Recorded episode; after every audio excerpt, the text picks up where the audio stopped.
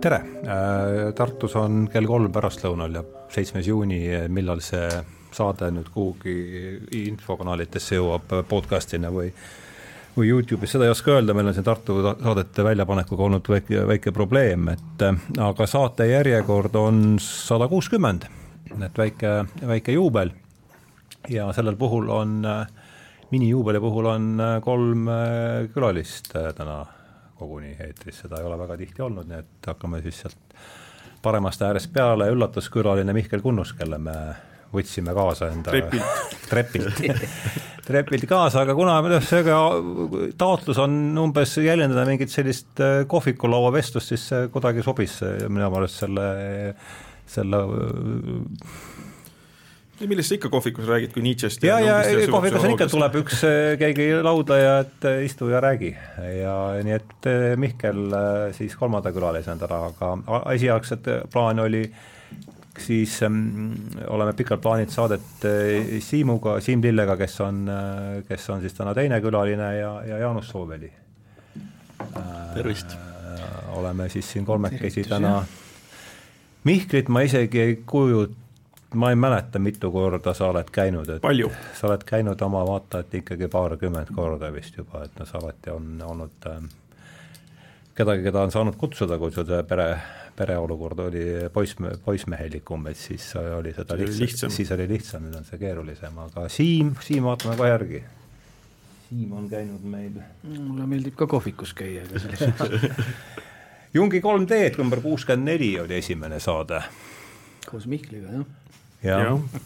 sinus endas Kobra koos Joonas Nahkariga, see oli see oli Krishnamurti ja Poomi vestlused, eks ole? Krishnamurti, jah. või oli Krishnamurti? noh, Poom oli seal kõrval vist. jah, Krishna, jah. ja siis oli, olid, see oli üheksakümmend üheksa, siis olid sa kohe järgmises saates, mis on mul jäänud väga sooja, soojalt, sooja mälestus sellest saatest, äh, Ernst Enno igatsus number sada. torti sai. torti sai, just nimelt, jah. ja kas sa oled, jaa, ja sada kakskümmend kolm, üle aegade Assamalla, Peeti Alver mm. -hmm ja siis oled sa käinud sada kolmkümmend kolm monoliitse mõtlemise miinused. millest me rääkisime, see Mihkliga olid jälle? Äh, Tarnas. Tarnas muidugi. Richard Tarnas. jaa, absoluutselt. kas raamat on positiivsime kirjaline vist? ei ole, aga ja. peaks olema, nüüd on ta pealkiri on Õhtumaa mõtteloo passioon mm. -hmm Tanel Pärna, see on minu arust väga ilus, ma ise ei tulnud selle peale, et seda niimoodi tõlkida, aga see on päris hea tõlge, jah. väga hea, ma läksin kuidagi kire kaudu ja mm -hmm. sealt ei saanudki asja sellest, aga et see just passioon sinna tuua, see minu arust on nii hästi saanud sellele pihta, et kui Tanel, oli, Tanel, eks? jah, jah, okei. et kui Tanel peaks meid kuulama, siis äh, kummardus talle selle eest. ja Jaanus, Jaanus peaks olema nüüd neljandat korda, kui ma õigesti mäletan. võimalik, jah um, sada kolmkümmend üks Apolloni ja Dionüüsose vahel, Mihkel Kunnus, Jaanus Sooveri, Nietzsche oli see. kui ma ei eksi, see oli täpselt Nietzsche sünnipäev.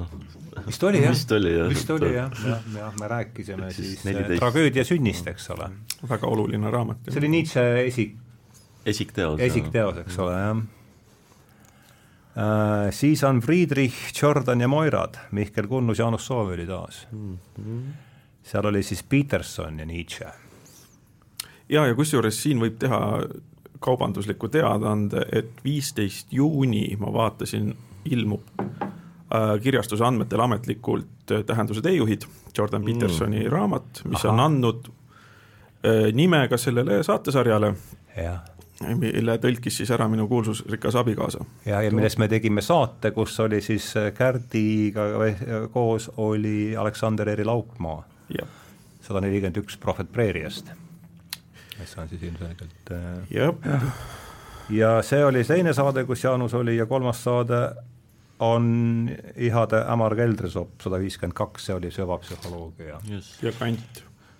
süüvisime päris sügavale. jah, ja, ja see, eks need kõik saated kuidagi juba märgivad ära territooriumi, et täna äh, töö pealkiri sellel saatel võiks olla süvapsühholoogia ristiisa, nii et on, oleme siis tulnud siia selleks, et rääkida ja süvapsühholoogia ristiisaks nimetas, äh, mina kuulsin seda Tarnase käest, et on siis Nietzsche. nii et Nietzsche ja süvapsühholoogia on täna laias laastus selle, selle jutuajamise teema.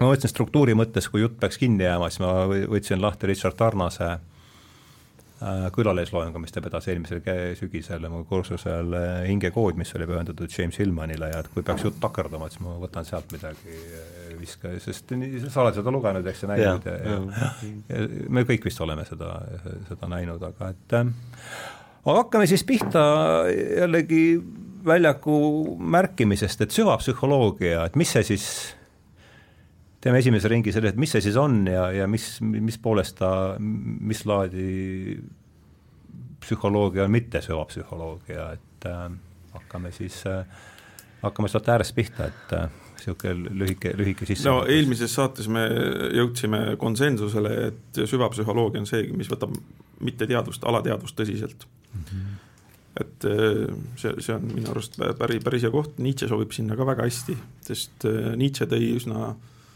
selgelt ja märgiliselt ja jõuliselt sisse psühholoogilise mõtte filosoofiasse, et muidu oli see väga niisugune ideede kompamine, aga tema pani tähele, et noh, tegelikult see on ju kõik väga-väga psühholoogiline. Ja noh, no seda on selgitatud ka noh, et psühholoogia mitteteaduslikke tasandeid, eks ju, Aaro Toomelan, kes on niisugune hästi selgelt defineeriv ja väga-väga, igatpidi väga defineeriv Tallinna Ülikooli psühholoog, et ta ütleb, et noh, et äh, esiteks noh, indiviidi mälu on see, mis, äh, kuidas ta määratleb psühholoogiat mm -hmm. ise, et psühholoogia on see, mis on indiviidi mälu ja see on, see on nagu tore selles mõttes, et äh, siit tulevad sisse kohe robinal teised liigid ka. eks, kui, kui mingil indiviidil on individuaalne mälu lisaks liigimälule, eks ju, liigimälu mm -hmm. on mhm. see, mis tuleb geenidega ilusti, et see võib olla igasugusel noh, väga primitiivsel eluvormil, amööbilgi on, eks ju, mingis mõttes ju liigimälu olemas, aga individuaalne mälu võib minna üsna keerukamaks, mida kõrgem on organism, seda keerukam ja komplekssem see mälu on. ja noh, tema ütleb siis, et see inimesele omapärane psühholoogia, see on veel, eks ju, kultuuriline psühholoogia mm. -hmm. ja, ja see loomulikult ei pea olema meil kuidagi teadvustatud vähemalt selles klassikalises mõttes, eks ju, et kui me räägime, noh, ma ei tea, lemmikloomapsühholoogiast ja kellel on lemmikloom, see teab, et tal on psühholoogia tal on tujud ja nii edasi, tal on kogemused, mälud, eks ju, ja, ja kõik see toimib ja tal on psüühe kindlasti mm -hmm. olemas, eks. et see ei pea olema kuidagi mingi ideeline või artikuleeritud.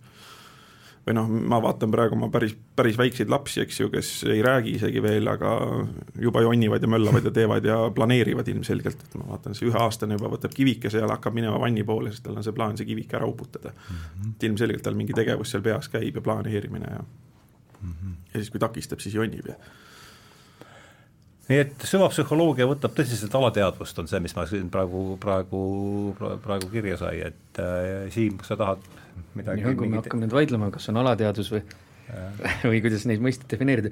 minu jaoks võib-olla üks oluline osa sellest on, et see on võib-olla siis selline läänelik tagasitulek äh, selle juurde, mis on võib-olla mujal maailmas olnud kogu aeg enesestmõistetav, et mm -hmm. unenäod on olulised, et, et ongi mingid teadvustamatud protsessid millele pööratakse tähelepanu, niisugune sisekaemuslik, et hästi kaua lasime nagu sellise välise peal liugu ja siis järsku inimesed, eks nad on kogu aeg muidugi märganud, aga kuidagi laiemalt jälle hakkasid aru saama, et, et võib-olla peaks sissepoole vaatama ka.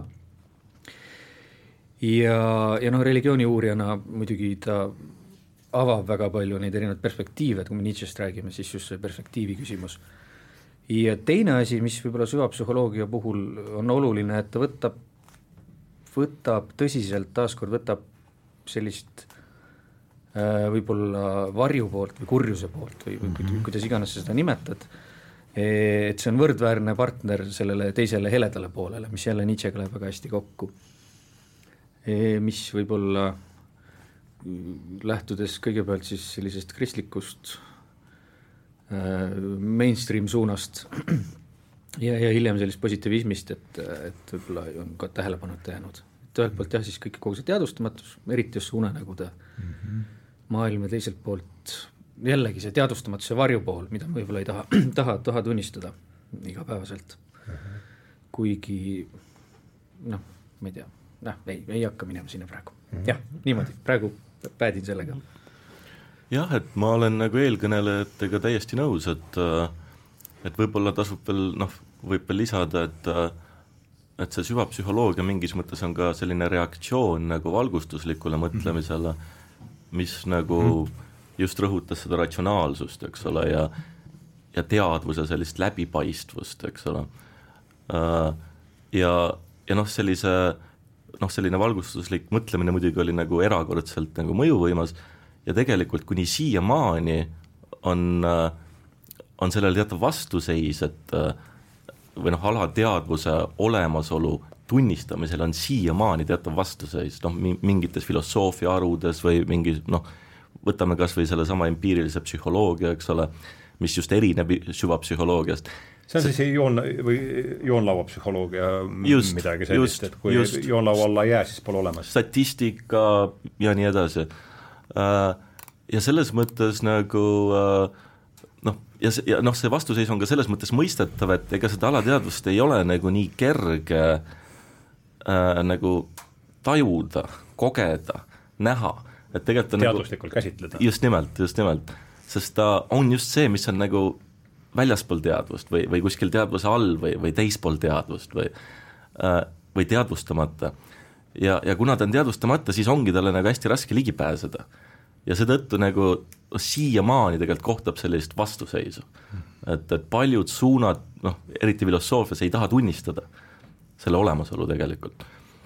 aga, ja, ja noh, Jung muidugi, ja noh, muidugi on mõned viisid, eks ole, mille kaudu see ennast nagu märku annab, ja kõige üks olulisemaid on muidugi unenäod mm. -hmm. et unenäod on see, noh, Jungi järgi eelkõige, aga ka Nietzsche, aga ka Freudi, et unenäod on see kus nagu alateadvus kõneleb meiega või annab meile noh, midagi teada, eks ole uh,. sümbolite ja kujundite kaudu. sümbolite ja kujundite visuaalse kaudu. asja kaudu tihti, jah ja uni pidi olema surmavend ma kuskilt ja, ja asja, ma ei mäleta, kes see seda, kes see seda, kus ma seda hiljuti noppisin selle lause üles, see avas mulle natuke seda. Aga ta on ka eluvend, ta on, ta on, ta on nii surma kui eluvend, selles mõttes, et ta on ka selline kreatiivsuse nagu allikas, et, et no seda me võtame justkui enesestmõistetavalt, et ta on eluvend, aga et ta jah, jah, see on see vahe, see limbo.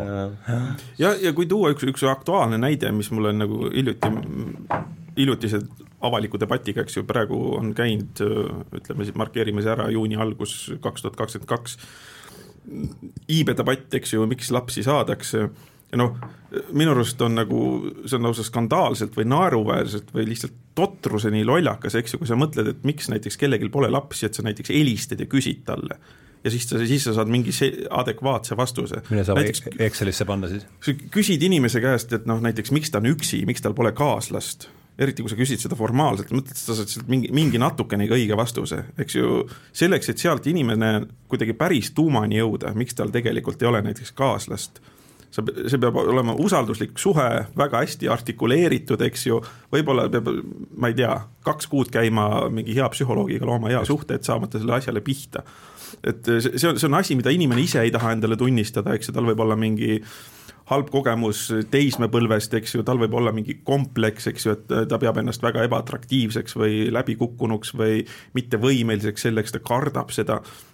see on nagu psühholoogiliselt ülikeeruline probleem ja siis sa mõtled, helistad ja ütleb toru niimoodi, et no kui me teeme nüüd äh, lastetoetuse natuke suuremaks, kas sa siis saad lapse või? eks ju, siis on esimene asi, mis sealt tuleb, võib olla niimoodi, et ei, mina ennem ei saa, kui ma ei tea, mingid need lollakad sealt pukist ära ei kao või, või, või ei võta arvesse kliima soojenemist. et, et sealt nagu sa saaksid kohe mingi autentse selgitusliku vastuse seda on lihtsalt skandaalne, et sihukest asja üldse nagu julged eeldada, see tähendab, et sa oled psühholoogiliselt nagu nii loll, kui vähegi olla saad, sa oled nagu peast nagu täiesti eksel, eks ju, või mingi ratsionaalne. sa helistad ja küsid sihukest küsimust. et sellele küsimusele inimene ise suudaks adekvaatselt vastata, see tahab ikka kuradi korralikku psühholoogilist tööd iseenda kallal. sest see on nii intiimne ja nii hämar küsimus. ihade, ihade see, et noh miks sul pole partnerit näiteks? Siim, sa hakkasid ära muretse, ma lugesin just teadusuudist, et kuskil Inglismaal juba tehakse katseid, et kuidas inimeste unenägusid siis niimoodi mõjutada, et noh, lõhnade, piltide, helide kaudu, et, et jõuda siis, see oli küll mõeldud reklaamitööstusele, et kuidas mingeid asju müüa, et seal saaks samamoodi võib-olla siis suunata lapse saamiseni. Pro. programmeerida jah, kuidagi et siis ei ole, ei ole vaja küsitlusi enam, vaid, vaid kõik töötab.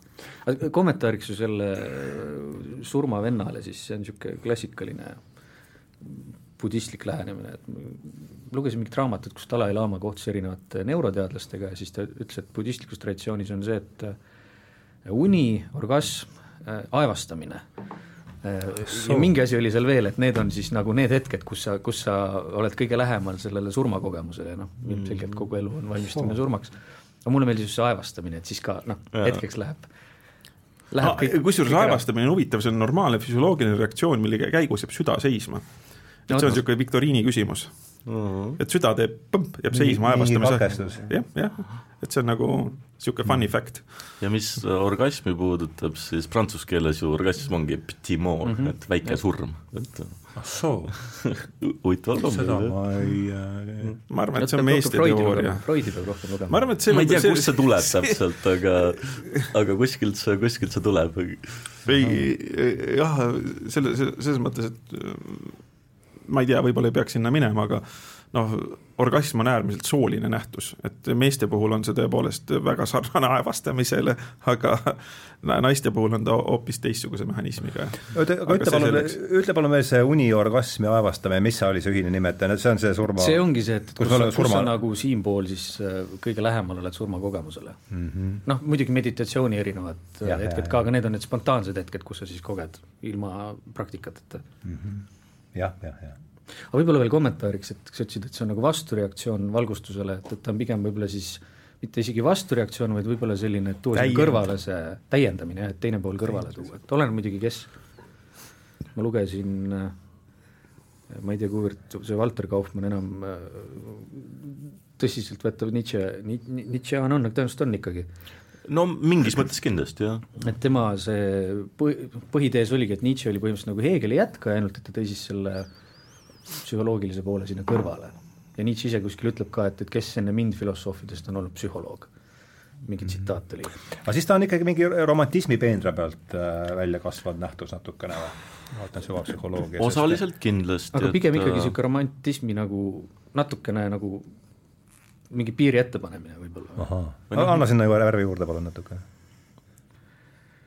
no see on niisugune ikkagi, et mõlemad pooled nagu on olulised, et mitte nagu puhtalt irratsionaalse vohamine või selle teatud mitte ratsionaalse poole vohamine ja mitte niisugune puhas okay. mõõgaga lõikamine. no seda mitte, aga, aga noh, teiselt poolt noh, üheksateistkümnenda sajandi lõpus, eks ole, või üheksateistkümnendal sajandil tegelikult ju ja isegi juba varem hakkas tekkima selline asi nagu evolutsiooniteooria mm. -hmm. ja see andis nüüd nagu perspektiivi.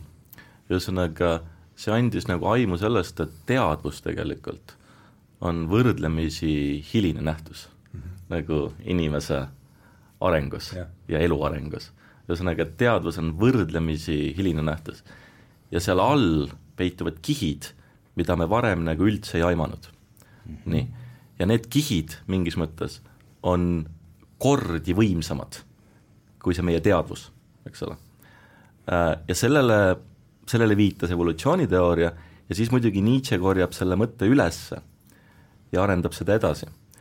ja nüüd äh, Nietzsche ikkagi tõesti äh, näitab päris veenvalt või veenvate argumentidega, et teadvus on tõesti selline võrdlemisi pinnapealne nähtus mm. -hmm. ja ta on tekkinud eelkõige kommunikatsioonivajadusest et äh, ühel hetkel oli tarvis inimestel oma vajadusi teistele teatavaks teha. nii. ja, ja selleks oli vaja nagu eneseteadvuse teket, eks ole, ma pean ise sellest kuidagi teadlikuks saama, et ma saaksin seda, ühesõnaga teadvus, nii nagu Nietzsche püüab nagu evolutsiooniliselt näidata või genealoogiliselt, on selline sotsiaalne nähtus. ja võrdlemisi hiline ja selle all on nagu tõesti, nagu öeldud, mingisugused täiesti mõõtmatud sügavused ja kihid. et äh, ja sellele mõttele kindlasti nagu aitas juhatada, ütleme, lisaks sellele evolutsiooniteooriale, ka selline romantism ikkagi, mis ka nagu äh, arvas aimavat, eks ole, mingit sügavust sellise mm -hmm. pindmise ratsionaalsuse ja. all tundesügavused, eks ju. tundesügavused. tundesügavused just, eks ju. No üks lause, mis ma olen Hillmanilt on äh, rõhutanud ja see on mulle saanud meelde ja tahaks kuule, kuulda, kuidas teie sellest aru saate, tema ütleb seda, et psü-, mitte psüühe ei asu meis, vaid meie asume psüühes, et äh, mis te sellest, äh, kuidas, kuidas teie sellest lausest aru saate? kas noh, ma võin alustada selles mõttes, et et Jung teeb nagu Äh, vahet ego ja ise vahel. nii, aga anna siin ka palun seda juurde. jah, et ego ongi selline see on nüüd Jungi eristus? see on nüüd Jung, seda eristust teevad ka paljud teised mm. -hmm. aga sa mainisid Jungi praegu? ma praegu, mainisin praegu Jungi, jah. aga seda eristust, sedasama eristust teevad ka väga paljud teised mm. -hmm. ühesõnaga, ego on selline teadlik äh, teadvusel äh, olev ratsionaalne subjekt, ütleme, nii. ja nüüd ise on äh, on see, mis hõlmab nii seda egot, ehk siis seda ütleme, intentio-, intentsionaalset subjekti, kui ka äh, seda alateadvust, ühesõnaga ise on ja. nagu kogu, kogu see isiksus, nii mm. -hmm. Äh, õl-, hõlmates nii tead-, teadvuslikku kui ka alateadvuslikku, see oleks ise. ego on siis ise alamhulk, kui me nüüd Venni diagrammina võtame jah, täpselt, täpselt mm -hmm. nii, täpselt nii. ja nüüd psüühe muidugi on äh, on selles mõttes nagu selle iseenda energia, ütleme, et, et psü-, et, et, et et see ise koosnebki noh, see, selle vaimne pool koosnebki psüühest, ütleme mm. -hmm. Uh, jah. see on Jungi arusaamine? see on Jungi arusaamine umbes, jah. sellega on ka see, et Jung äh, ühes kohas nagu jah, kirjeldab ühtmoodi, teist teistmoodi, võib-olla need hilisemad õpilased, Ester Harding on kirjutanud mm. raamatut sellest. Ester Harding? minu arust on Ester Harding, jah mm. -hmm et nagu need, kes nagu selle nagu hästi niimoodi ilusti mudelitesse asjadesse pannud, on, on, on võib-olla Jungi õpilased pigem, aga jah mm. aga see Jung annab jah, nagu, nagu ja. rohkem nagu selliseid, või noh, ütleb siin, eks ole, või noh, kirjeldab siin natuke, siis teisel, mujal natuke, eks ole. ta teeb pildikesi, mitte süsteeme, eks ju ja eks Freudi asi tuleb ju sisse kohe, see ja, ja, ja ego ja superego ja, ja id ja täpselt. ma just lugesin huvitavat äh, analüüsi, et kui võtta Nietzsche kõrvale kohe äh,, Zarathustra ja ta alustab kohe, kõnesid algab selle kolme moodusega, et vaim alguses on siis kaameliks, on ju, moondub kaamelist äh, lõviks ja lõvist lapseks, et siis keegi oli just äh, kaamel, lõvi ja laps? jah, et ju kelle teekond see oli nüüd? see on Nietzsche Zarathustra kohe päris alguses esimene kõne, isegi kõnede alguses vist. ja, ja siis ei, aga kelle, sealt see tuleb, aga kelle tee, oli see hingeteekond või?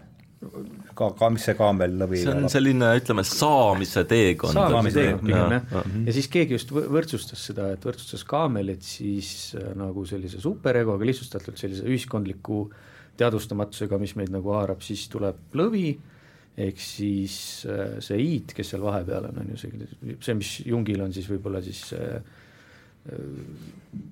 ego tipp, on ju, seal selles ises. Mm -hmm. ehk siis kes teeb nagu teadlikke otsuseid, aga kes ei ole veel päris vaba ja siis on see laps, on ju, mis on siis Freudil äh, on, äh, mis ta nüüd on,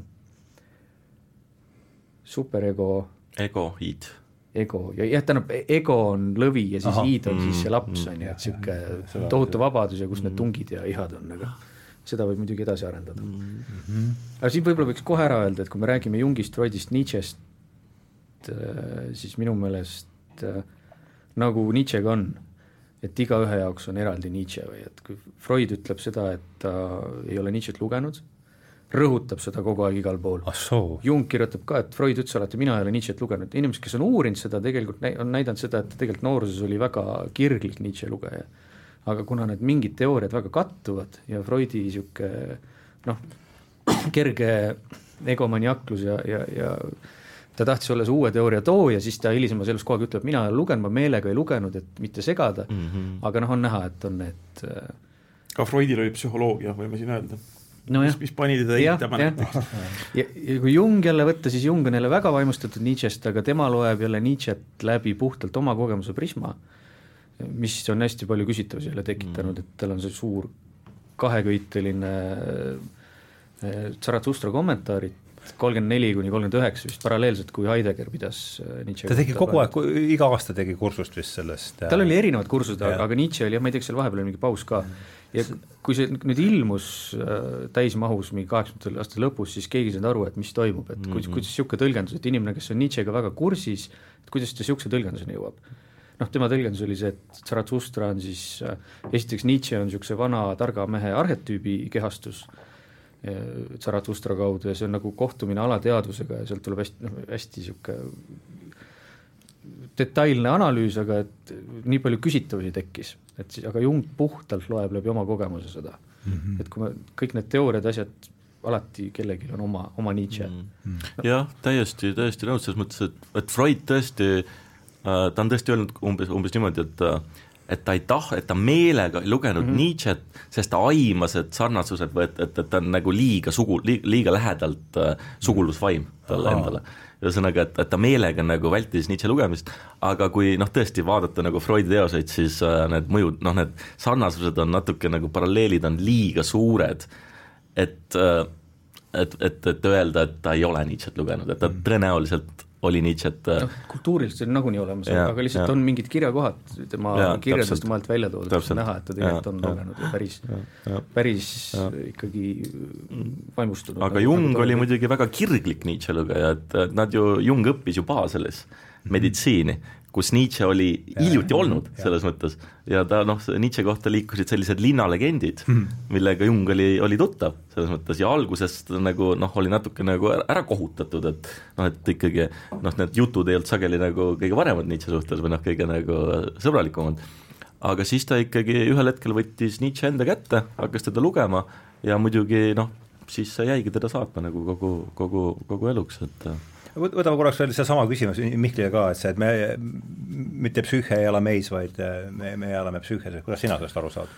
no eks ju siin on see, et mis, mis on, mis on mina, et kuidas me seda mina ja, või meid, meid, meid määratleme, et noh, võib-olla niisugune valgustuslik traditsioon või valgustuslik harjumus on määratleda, et mina olen see, kes, kes hoiab lampi mm -hmm. ja, ja, ja noh näiteks see ka, et noh, see mehelik, et mees peab oma tundeid vaos hoidma, eks ju, ja mõistus valitseb kõike, see on ju niisugune ma ei tea pla,, Platoni kanti kaanon võib-olla ilukirjanduslikult väljendudes, et eh, noh, et mees, inimene peab oma mõistust, mõistuslikult oma tundeid vaos hoidma ja nii edasi, aga noh, kui me vaatame psühholoogia pealt, siis on see üsna selgelt vastupidi.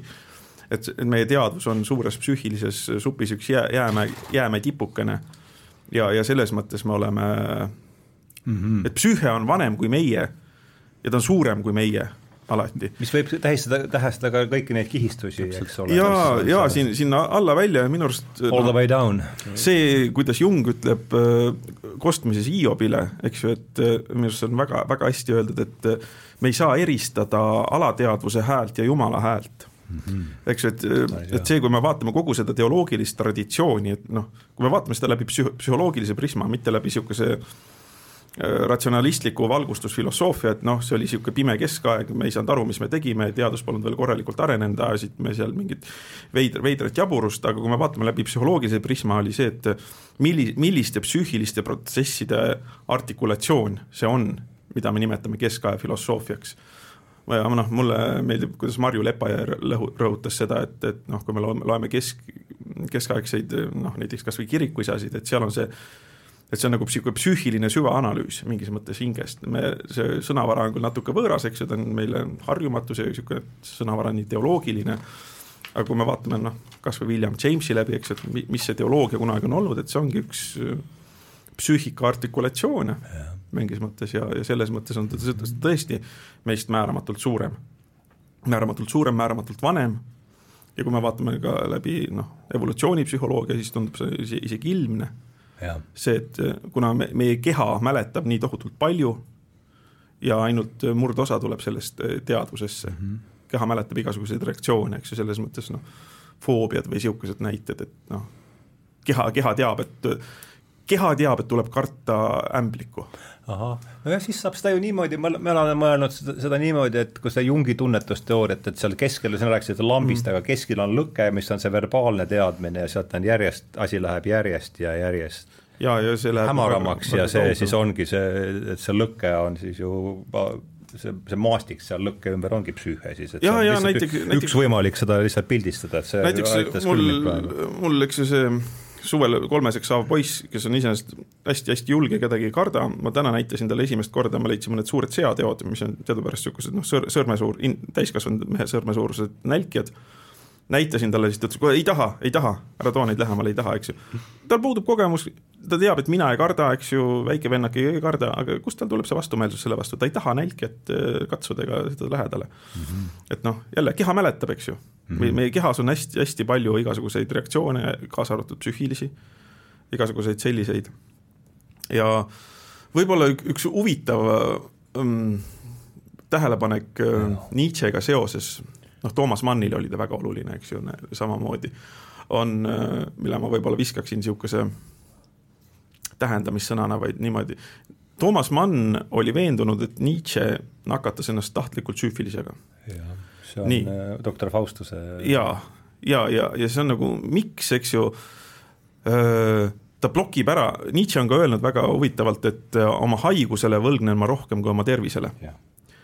et, äh, et, et, et mingeid asju tajuda, et mingeid asju tajuda on võimalik ainult niimoodi, kui sa mingist muust asjast hoiad sügavalt eemale.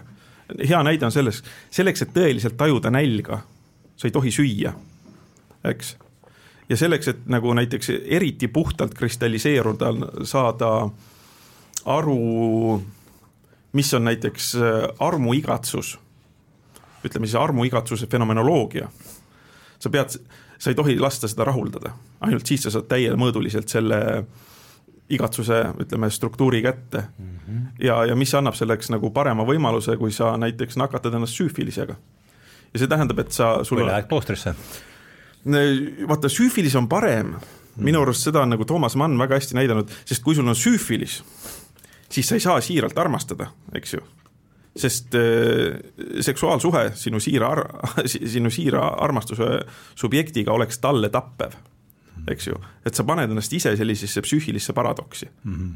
ja siis sa tajud midagi, mida muidu kätte ei saa mm. -hmm. eks, see, see äralõigatuse pinge, eks ju, et noh kas see ei ole jälle mingit pidi niisugune romantiseerimine või et kui Nietzsche't no, ennast lugeda, siis pigem võiks ju eeldada, et sa peaksid olema süüfilises ja tundma seda armastust nagu ja, ja, ja ongi et mõlemad, seda ma mõtlesingi mõlemad. Ja siis tuleb see no nagu aga no, süüfilis lõikab sul juba selle ära, et siis tuleb see paradoks sisse.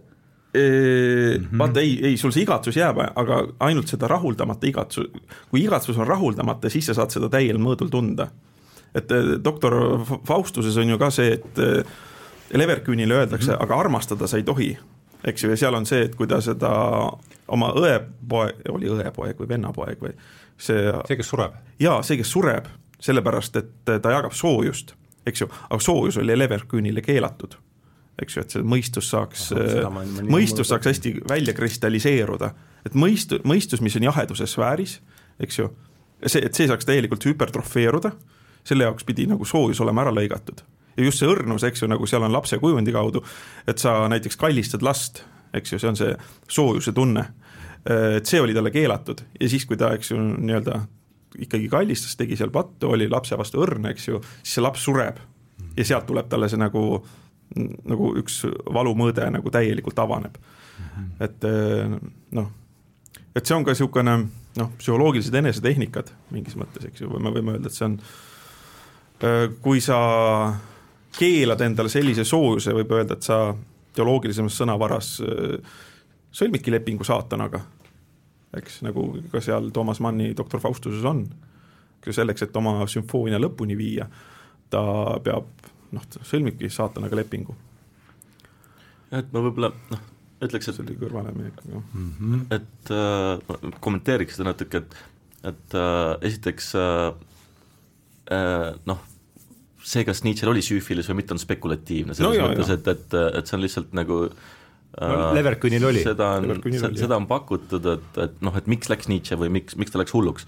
et, et, et kas see võis olla see, et ta nagu nakatus süüfilisega, ma ei tea äh,, mingil hetkel oma elus, ühesõnaga, see on spekulatiivne, et me ei tea seda äh,, on pakutud ka teisi põhjusi, miks ta läks hulluks, mingi noh, aga aga see on nagu küll hästi oluline, et äh, just see, mida Mihkel ütles, et äh, et, äh, et Nietzsche tõesti nagu rõhutab seda, et haigus võib pakkuda selliseid erilisi tingimusi äh, tunnetamaks asju, mis muidu jääksid tunnetamatuks. ühesõnaga, ja ta nagu äh, on kuskil öelnud noh, väga, väga, väga, väga huvitavalt, et äh, võib-olla rõõmsas teaduses, ega ma täpselt ei mäleta, aga ta on öelnud umbes niimoodi, et et suur vabastaja tuli minu üle. mõte, noh see on selline tsitaat, aga, aga või parafraas ütleme, et suur vabastaja tuli minu üle, mõte, et elu võib olla tunnetaja eksperiment. ühesõnaga, et, et Nietzsche selles mõttes, tal on tõesti see mõte, et ta nagu eksperimenteerib iseendaga selleks, et tunnetada asju, mis muidu jääksid tunnetamatuks. elu võib olla tunnete eksperiment. jah, et suur vabastaja tuli minu üle, mõte, see mõte, see, see mõte on see suur vabastaja, et elu võiks olla tunnetaja eksperiment, ühesõnaga et, et see on tõesti nagu Nietzsche'l nagu väga sügavalt sees, kas tal oli süüfilis või mitte, seda me ei tea, aga, aga, aga see mõte tõesti, et haigus nagu noh, võiks pakkuda mingisuguseid, aga noh, samas ta ikkagi noh, räägib ka näiteks suurest tervisest, eks ole, noh Nietzsche, ja see suur tervis tegelikult ongi midagi sellist, see on lausa mõiste tal, suur tervis. et see ongi tegelikult midagi sellist, mis nagu ühendab endas nii tervise kui haiguse, ühesõnaga ongi grosse gesundheit või? grosse gesundheit, jah mm., et see ongi midagi sellist, mis ühendab sellise haiguse ja noh, ja tervise, eks ole, nii, ühesõnaga kuidagi need vastandid saavad kuidagi ühtseks selle, selles suures tervises. ja nüüd me selle kaudu jõuame tegelikult väga huvitavalt Jungi juurde, kellele just selline nagu vastandite ühtsus, eks ole on, noh, muutub nagu erakordselt oluliseks ja, ja, ja ta seletab seda vastandite ühtsust just jällegi laenates Nietzsche'lt apolloonilise ja dionüüsilise mõisted see on ka mingi, on see Jungil ka see individuatsiooni printsiip, eks ole, see vastandite ühendamine on ju. ühesõnaga kõige rohkem, mis Jungi nagu Nietzsche puhul huvitab või, või mida ta nagu, mille ta talt nagu otseselt üle võttis, on see dionüüsilise mõiste. ja ta kasutab seda dionüüsilise mõistet nagu igal pool ja, ja hästi palju ja isegi selles Zaratustra raamatus, huvitaval kombel Nietzsche Zaratustras ei räägi dionüüsilisest, aga Jung võtab selle dionüüsilise mõiste Nietzsche tragöödia sünnist ja siis kasutab seda selles Zaratustra raamatus ühesõnaga, ja noh, see tragöödia sünnisaade meil juba kord oli, eks, et seal me natuke nagu seletasi, seletasime seda Dionüüsilist ja et mis see Dionüüsiline ja Apollooniline on äh,. Aga jah, et igal juhul selline noh, et äh, selline kuidas nagu mingid vastandid või mis, mida me nagu, nagu tajume vastanditena, et kuidas individuatsiooni protsessi käigus need kuidagi nagu saavad üheks või kuidagi, see on nagu, ja see ongi jah, Jungi see mhm. individuatsiooni protsess aga mis oleks, kui teeks nüüd, ma loen ette siit, ma ütlesin, et Tarnase kõne võiks olla siin natuke aluseks, ma loen siit ühe lõigu ette, et siin on, nimetab siin veel paari nime, et Nietzsche kõrvale, et sa arvad, võib-olla siis äh, mäletseks seda natukene. et süvapsühholoogia, see on siis Tarnase, väike lõik Tarnase kõnest äh, või loengust. süvapsühholoogia, mille poole ma nüüd pöördun, kerkis esile üheksateistkümnenda sajandi viimastel aastakümnetel. pisut hiljem kui eelpool kirjeldatud eksperimentaalne kartesiaanlik psühholoogia see kasvab mõnes mõttes välja kunstnike ja sisemaailma vastu huvi tundvate filosoofide loomingust. kõige olulisem on siin Friedrich Nietzsche, keda võib pidada süvapsühholoogia ristiisaks. ta sukeldus sügavale oma sisemusse ja naasis sealt paljude väärtuslike taipamiste ja äratundmistega. ja see lause eriti, et Nietzsche kõrval tuleks siin kindlasti nimetada Schopenhauerit, Rousseau'd, Püha Augustinust. kindlasti märki, väärivad märkimist ka suured romaanikirjanikud ja poeedid kui me, kui me räägime aga nendest, keda me peame psühholoogide, psühholoogideks selle sõna kitsamas mõttes, siis tuleks esmajoones mainida William Jamesi, kes tegi silmapaistvaid panuseid nii filosoofiasse, religiooni, religiooniuuringutesse kui ka psühholoogiasse.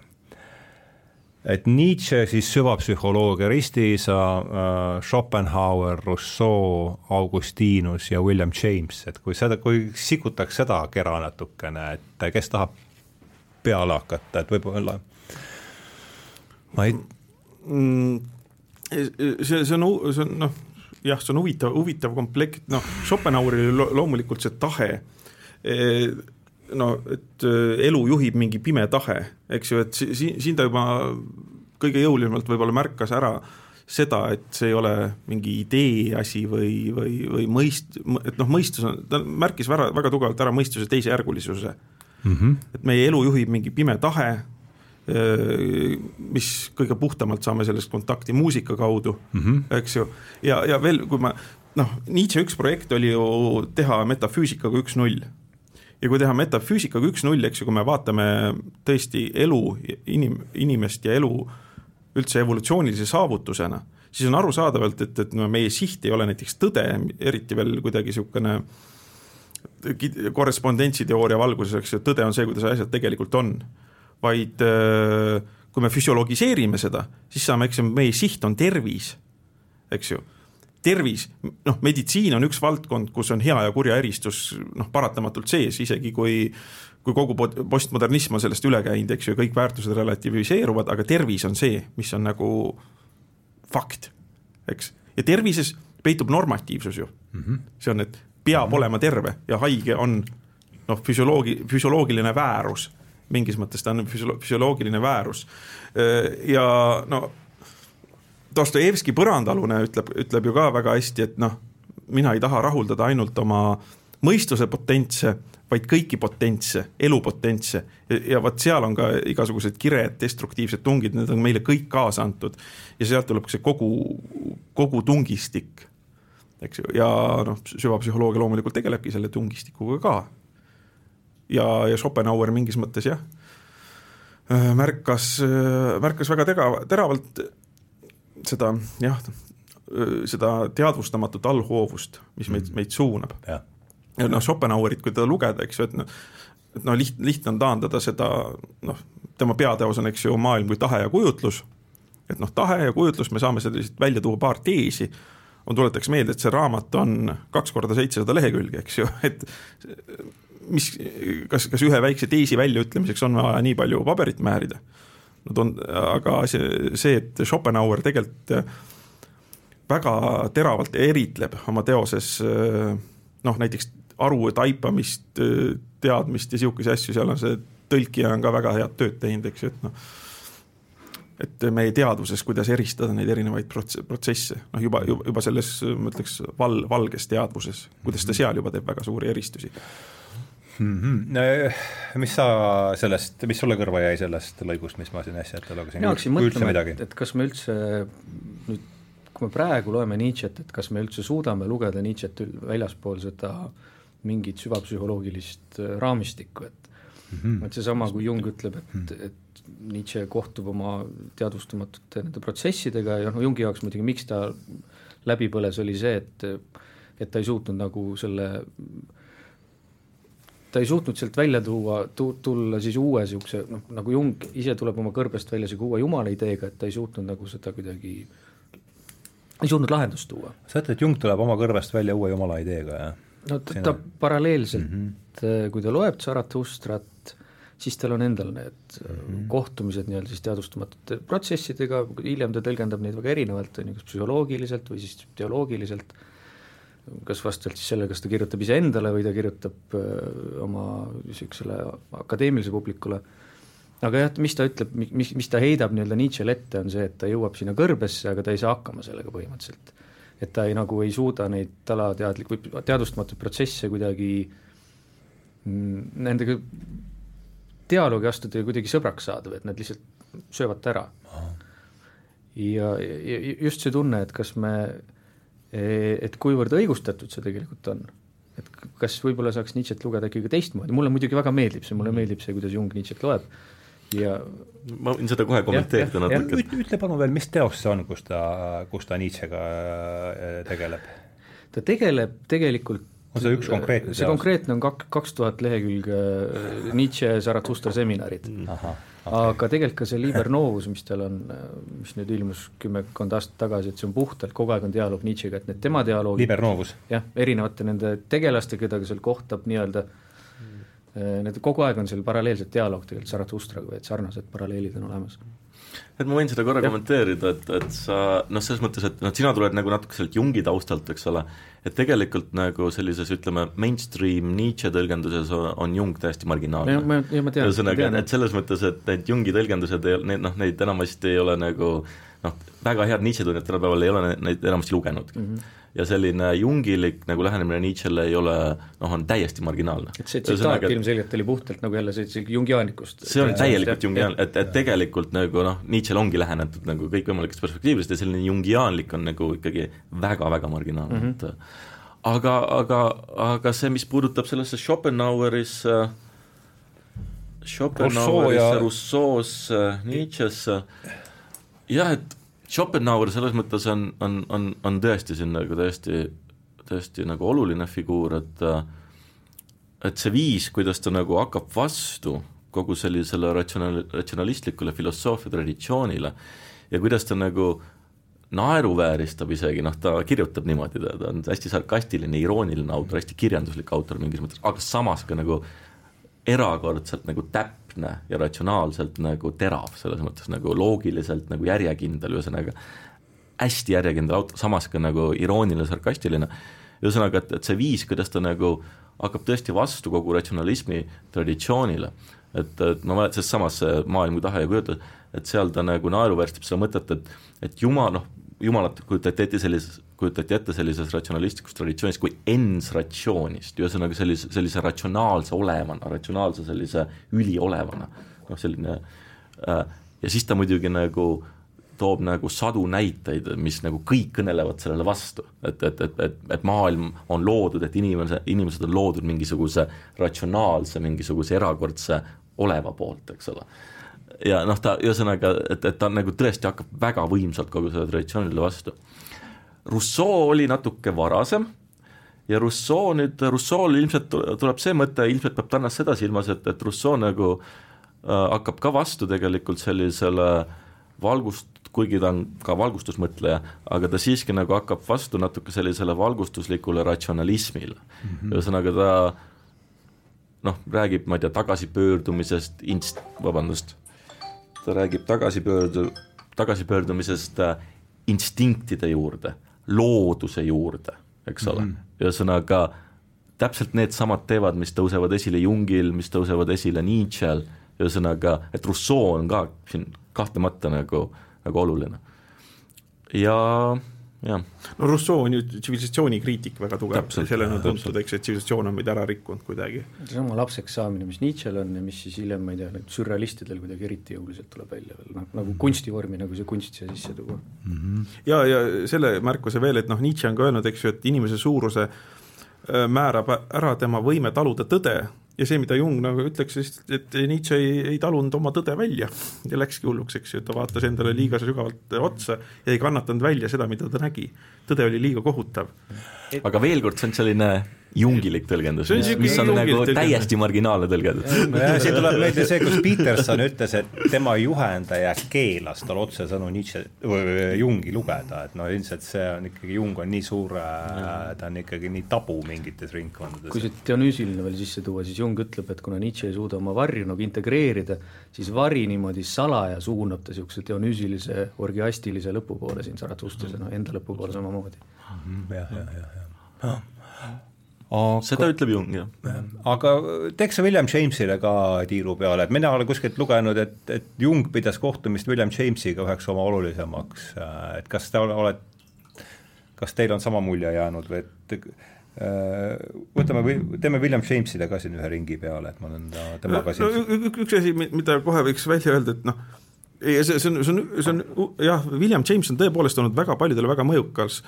Ja näiteks äh, hästi erinevad inimesed, näiteks Bertrand Russell on samamoodi öelnud, et äh, William Jamesiga kohtumine võttis temaga nagu voh, et nii suurt meest ei ole ta varem näinud. Bertrand Russell, Bertrand Russell ütles seda või? jaa, kuigi nad, nad Nad on ju nii, tunduvad nii äh, ongi, erinevad äh, täiesti erinevad, eks ju, täiesti huvitav. erinevad tüübid ja, ja kusjuures omakorda on äh, väga erinev ka Jung ju William Jamesist ma ütleks, et nad on ikka, ikka noh, väga erinevad, aga see, mida William James tegi, ta oli nagu kuidagi hästi avatud äh,, ja kaardistas ära tõepoolest niisugused äh, robustselt väga-väga paljud valdkonnad, millest hakkasid arenevad, selles mõttes, et nagu William James on tõepoolest, ta on niisuguse hästi asise psühholoogia klassik, ta on kindlasti teoloogia klassik kõige paremas mõttes ja see, see, kusjuures selline klassik, kes ei ole kuidagi vananenud, filosoofias on aga ääretult oluline, sest tema prag-, pragmatism noh, millele ka Jordan Peterson väga palju toetub, on ju noh, suurepärane äh, ja mõistlik süntees evolutsiooniteooriast ja filosoofiast. pragmatism tähendab, eks ju, tõene on see, mis on kasulik ellujäämise seisukohalt. et see on arusaam, et tõe, tõ, noh, tõed on need asjad, mis töötavad. et see on ka niisuguses kuidagi argitaimes, et kui noh, võib öelda isegi, et äh, praktika on tõe kriteerium, on äh, mingis mõttes praga-, pragmatistlik äh, trivialiseering või eks, et kui mingi asi töötab, järelikult on tõene. ja no William Jamesil olid ka, et noh, tõed on selleks, et meid äh, aidata elus olla. ja meie psüühika ka, eks ju, ta tõi sinna väga tugevalt sisse evolutsiooniteooria.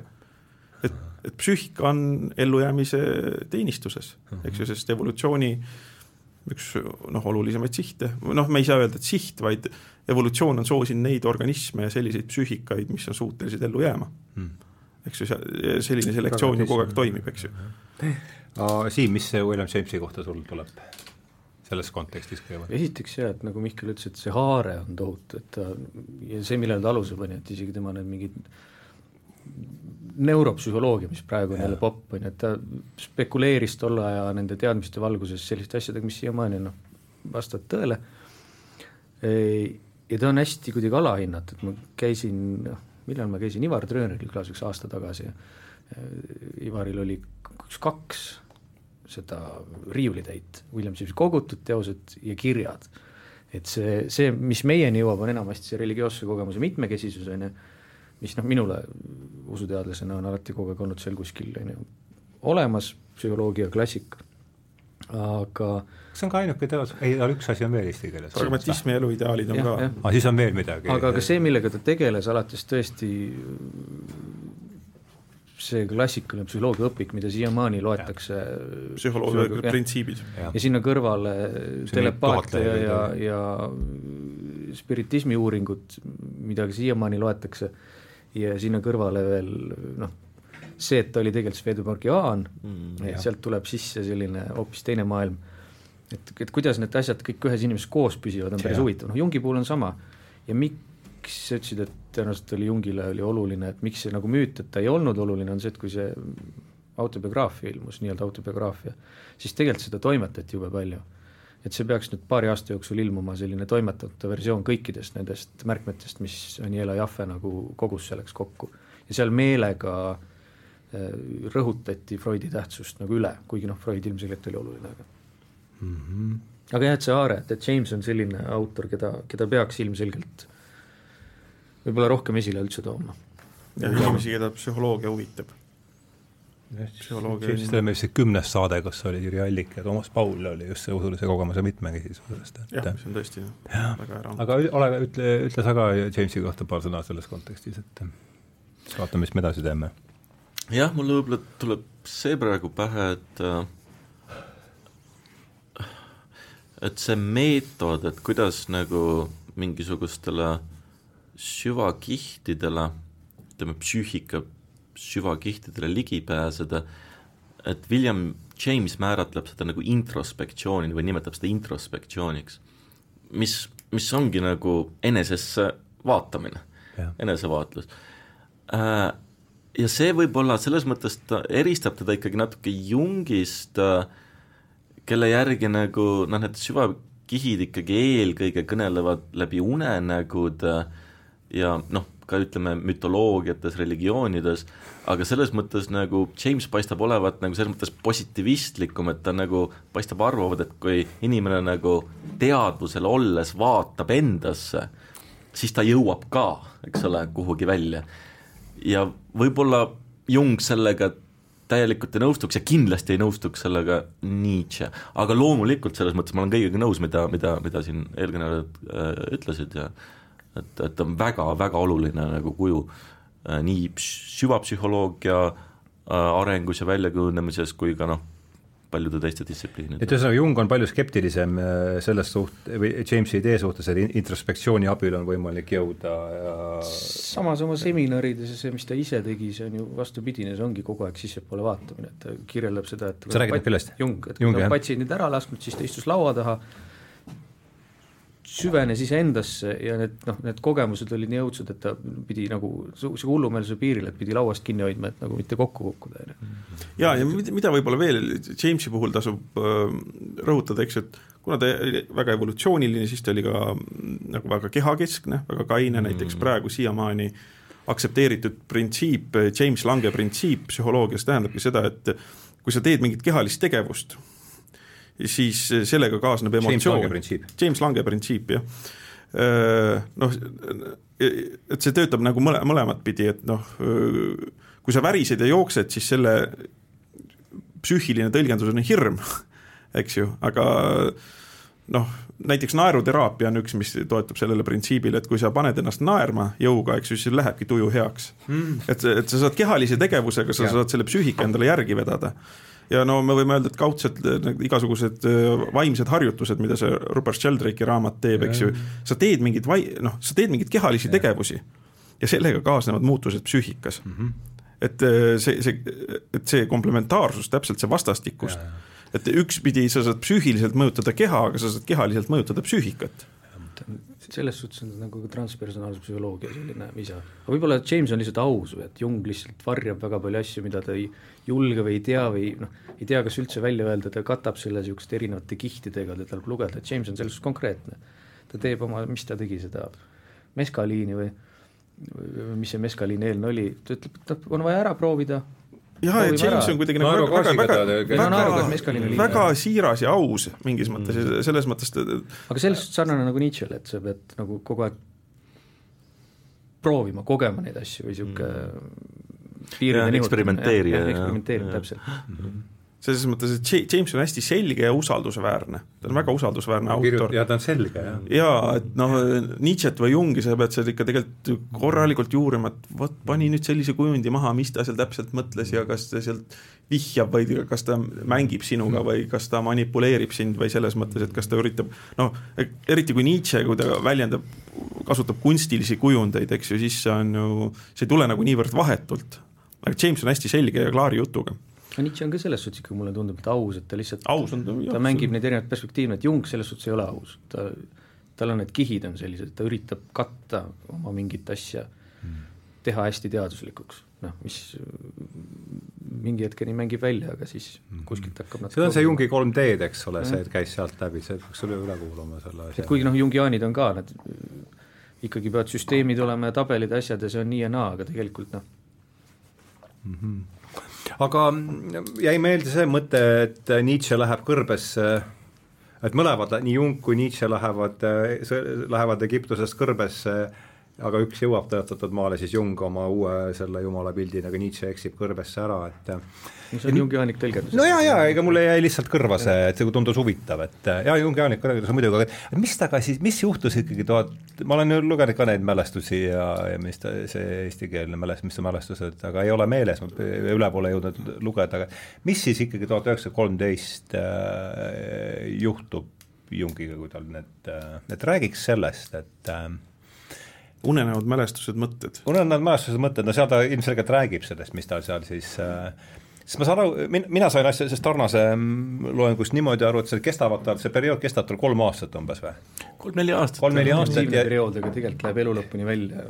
ja siis ta lihtsalt äh, tõlgendab neid, kogu elu, ülejäänud elu tõlgendab sellest, mis ta siis oma sellel kõrbereisil äh, nägi, et kuidas teie sellest aru saate, see tundub olevat äh, huvitav. no ma kõigepealt võib-olla võtaks sealt, hakkaks sealt päris algusest pihta, et äh, et Jungi puhul jah, et äh, üks nagu hästi olulisi asju on just nagu noh, enne sai korra räägitud ka, et et see alateadvus tuleb kuidagi integreerida. ühesõnaga, et et alateadvus ja teadvus nagu tuleb kuidagi nagu kokku tuua ja noh, tuleb integreerida. see on jällegi mingi individuatsiooni ja üks aspekt. täpselt, just nimelt, just nimelt, ühesõnaga, et on mingid justkui nagu vastandid, eks ole, ja need vastandid tuleb kokku tuua ja siis inimene, ma ei tea, saab indiviidiks, saab iseks, saab nagu iseendast teadlikuks ja, ja, ja nüüd ütleme niimoodi terveks nii-öelda. ja, ja et see... hoida need vastandid üleval pikka aega, see välja kannatada, siis need ettenägematul moel sulanduvad üheks tervikuks, vist oli see kuidagi see mõte, eks äh,?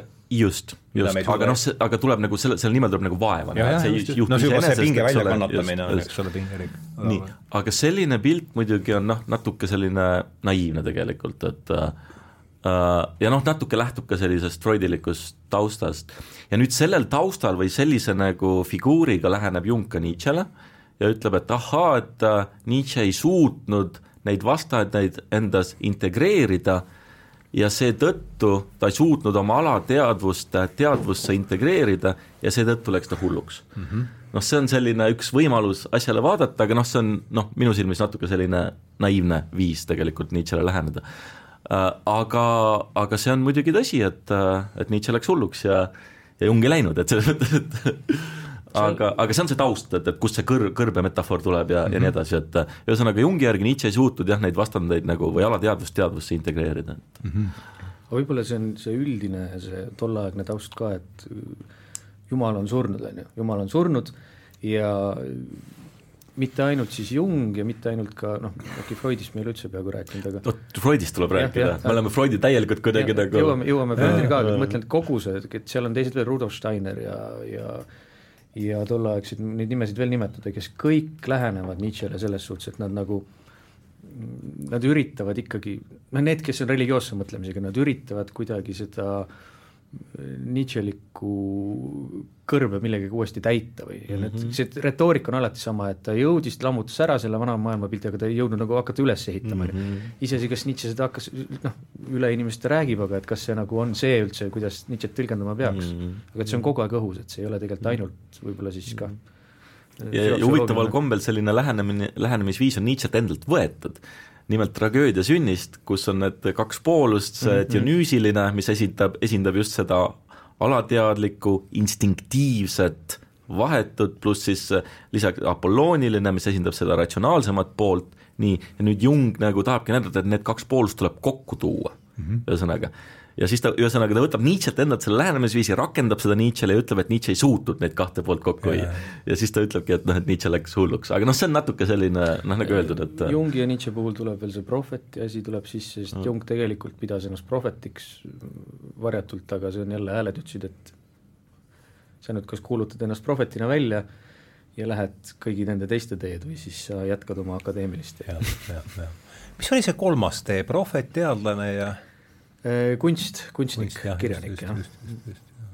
Mhm. aga Freudi juurde jah, võib-olla võiks ka korra pöörduda, et mm. -hmm. Nietzsche sureb siis, kui unenägude tõlgendamine ilmub, et see on niisugune märgiline aasta.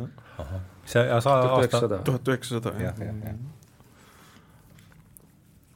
ma ei tea, kes, Kuidas- mis teeme sulle otsa kuidas vaatama me nende juurde pöördume et selles mõttes Freudist äh, noh, selles mõttes minu silmis ikkagi Freud on nagu mm, mõjukam figuur kui Jung.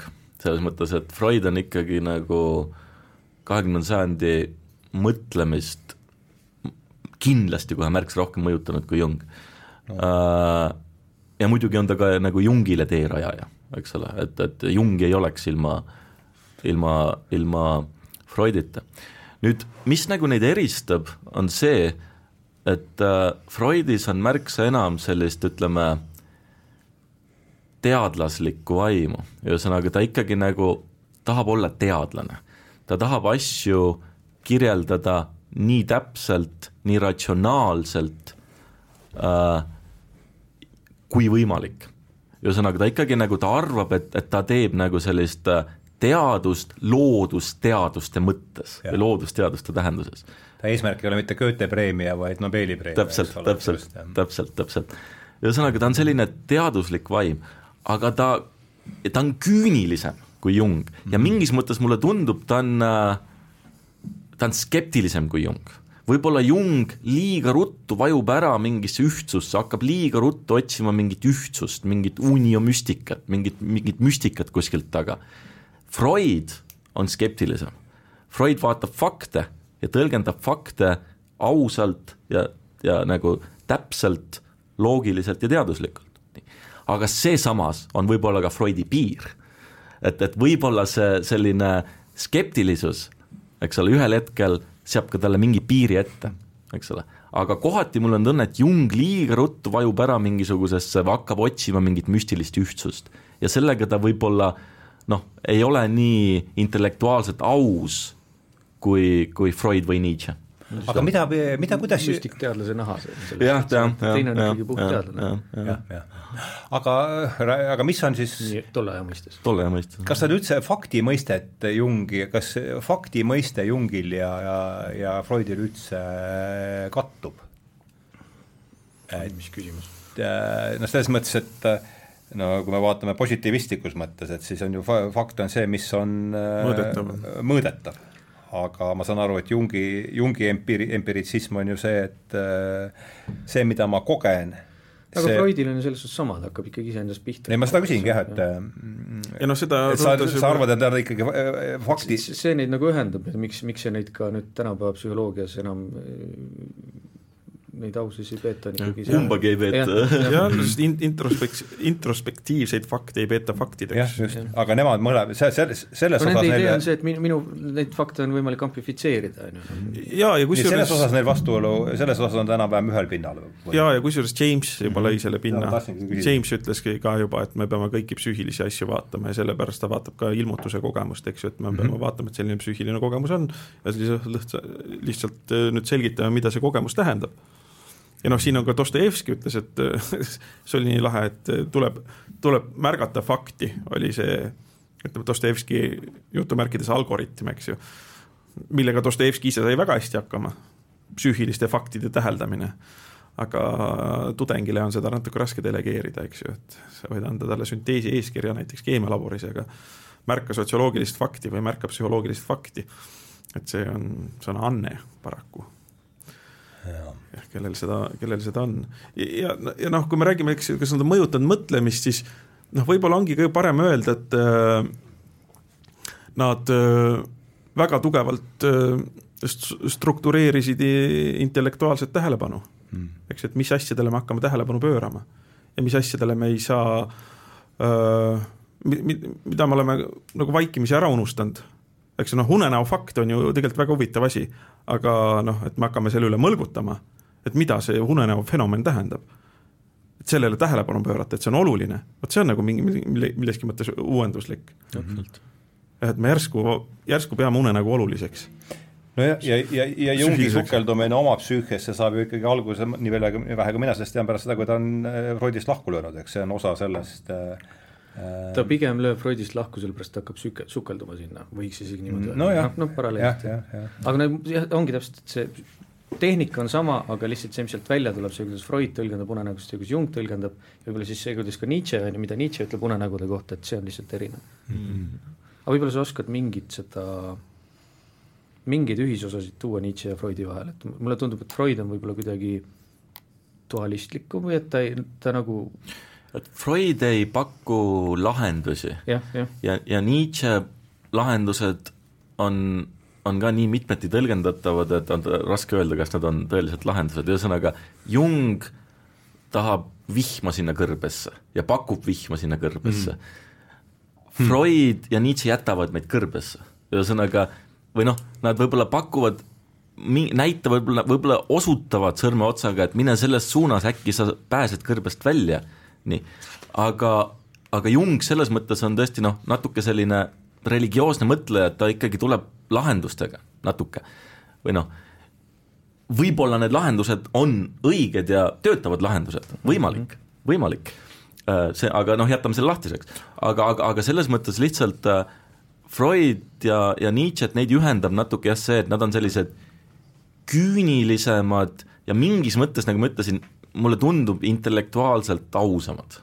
aga mm, -hmm. aga nagu öeldud, et see on ka nagu, nagu, nagu tõlgendamise küsimus äh, mulle tundub, et Jung ikka unustab ära Nietzsche't lugedes tegelikult selle mingi huumori poole või midagi, et see, see jaa, üldse kaob ära, et kui vaadata Nietzsche tõlgendusi, siis see jaa. kuidagi läheb Jungi. Nietzsche tõlgendab, Jungi Nietzsche mitte tõlgendab. ainult Jung, Jung, vaid üleüldiselt, et. Nietzsche't võetakse palake siit, palake sealt, üritatakse, aga kuidagi see tervik, iseasi, mina ei tea, kuidas see tervik, ma teen ainult eesti keele põhjal seda tervikut, aga et ta tundub väga humoorikas autor, Jungi see samamoodi ka, aga siis, kui ta hakkab teisi tõlgendama, siis ta unustab selle nagu ära. ja siis ta muutub natuke kuivaks. ja, ja Freud on samamoodi, et ta on tegelikult väga terav, aga siis ta jälle kuidagi täpselt noh, jah. ja kui räägi-, kui räägime lahendustest, siis vaata, et me võtsime praegu siin, et noh, kes pakub lahendusi, kes, kes mitte, et siin on, eks ju, millele see lahendus on, ma ei tea, õhtumaade passioonile, õhtumaale, õhtumaade filosoofiale, suurtele filosoofiline probleemidele, aga millele nad mõlemad proovisid ju alati lahendusi leida, nii Jung kui kui Freud olid konkreetsete inimeste psüühikale, eks ju, nad olid ju mõlemad ka arstid ja arst on ju praktik. Või noh, psühhoterapeut, me võime praegu nüüd öelda, et noh, mingid konkreetsed kompleksid mingile inimesele või mingid neuroosid, siis, siis kuidas äh, neist lahti saada mm, -hmm. mida teha ja ja noh, mõlemad olid ju praktiseerivad terapeudid mm -hmm. tänapäevases mõistes. mis on väga huvitav, et Nietzsche nimetab ennast ka kultuuriterapeudiks. ühesõnaga, et noh, et juba siin tek-, noh, juba see sõna ühendab kõiki neid kolme mingis mõttes, väga huvitaval viisil. aga siit võib kohe tuua väikse tsitaadi, et arst, aita iseennast, siis aitad ka oma haiget. see olgu talle parim abi, et ta näeb seda, kes ise end teinud terveks, et see on tegelikult selline psühhanalüütiline ka, et et see on niisugune individuaalne tee või Jung ütleb samamoodi, et, et tegelikult need teooriad või no miks ta kritiseerib ja miks ta elu lõpus ütleb ka, et mitte keegi ei saanud must aru, sellepärast ümber on hästi palju jüngreid, kes kõik on teinud tabeleid, jooniseid ja, ja siis ta ütleb, et ei, et sa pead selle nagu enne läbi elama, et sa saad olla ainult kuidagi seal kõrval, aga sa ei ole, kusjuures huvitav on see, et miks ta nagu Nietzsche't kritiseerib, on see just see kirjakoht siit Zarathustrast jälle, ma ütlen teile, peab eneses veel kandma kaost, et sünnitada tantsivat tähte, ma ütlen teile, teis on veel kaos, ta ütleb seda, et Nietzsche nagu kuidagi, ta tahab õpetada inimesi seda tähte sünnitama. Mm. -hmm. ta tahab kuidagi tegelikult ikkagi massidele mõjuda, Jung ütleb, et see on Nietzsche puhul eksimus, et tegelikult saab ainult läbi nagu indiviidi seda. Mm, -hmm mis on jälle muidugi mm. Jungi tõlgendus, on ju.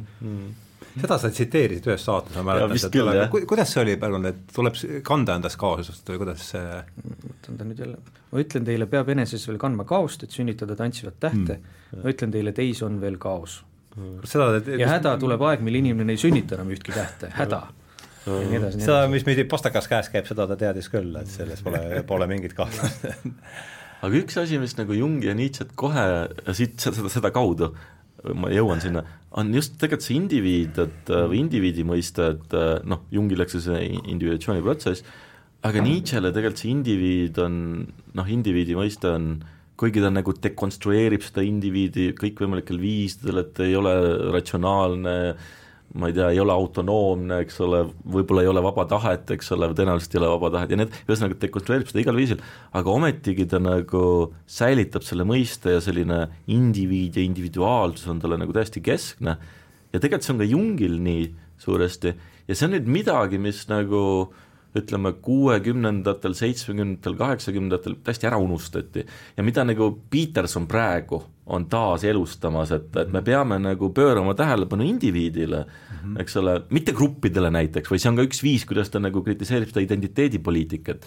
ja see on nagu jällegi huvitav selline areng, arengukõver või selline arengujoon, et keegi parafraseeris väga hästi seda Nietzsche lauset, et äh, Kristus on platonism massidele, et Peterson on Jung äh, massidele, et see oi jah, tõesti, see on väga huvitav, see on päris täpne, väga huvitav, väga huvitav. jah, et see on, mulle ka meeldis. sest ja iseenesest, kui me ka kainelt vaatame, eks ju, mida minu arust vähesed, aga väga head mõtlejad on ikka tähele pannud, on see, et see, et noh, ühiskond koosneb indiviididest, see, no see on, see on triviaalsus, aga see, et indiviidid koosnevad noh, ütleme siis ontogeneesidest ehk arengupsühholoogilistest elukaartest.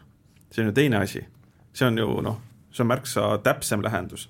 et igaüks käi-, käib ka parasjagu elukaart mm., et noh, kui endale mõelda, kui ma mõtlen kahekümneaastasele Mihkel Kunnusele, see siis sõge hull täis.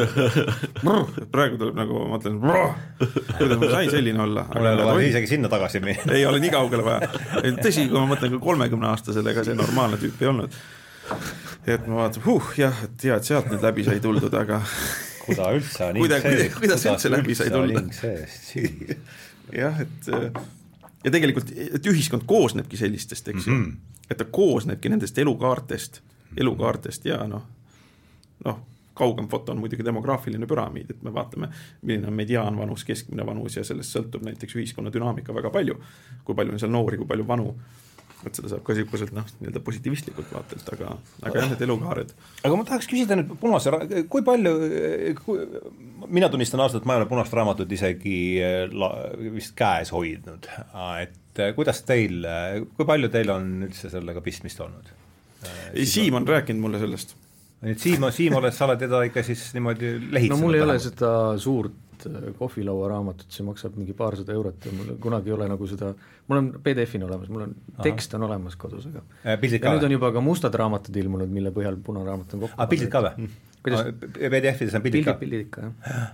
Üks, üks, üks lause, mis pani mind äh, kuidagi selle asja, selles mõttes, et noh, et ma et keegi, üks sõber või tuttav hiljutine ütles, et ta, ta võttis selle suure paksu, paksu raamatu ja sirvis seda ja vaatas pilti ja ütles, et ahaa, ma olen siin olnud. et see just pildi pealt, et, et see tekitas mul huvi, et peaks seda et nad on ikkagi jah, Jung ise ju paigutab ennast ka, et ta paigutab Nietzsche ja Zarathustra ka sinna juurde. Blake äh, on ju Nietzsche, tema ise, niisugused nii-öelda visionäärid või nägemuste nägijad, võiks öelda, Swedenborg sinna juurde, et, et ta nagu peab ennast sellise, sellise lääneliku võib-olla müstilise traditsiooni üheks, üheks jätkuks lihtsalt, aga noh, nagu ikka head, head sellised kogemuste läbijad, siis nad, tuleb see prohvetasi juurde, et nagu ma ei tea, nagu Muhamed ütleb, et mm -hmm. et minu, minu on viimane ilmutus, et Jung samamoodi, ta ei ütle küll viimane, aga ta ütleb, et ta on nagu uut aega kuulutamas, et et siis tema jaoks nagu Nietzsche on ka võib-olla siis selline eelkäija natukene või?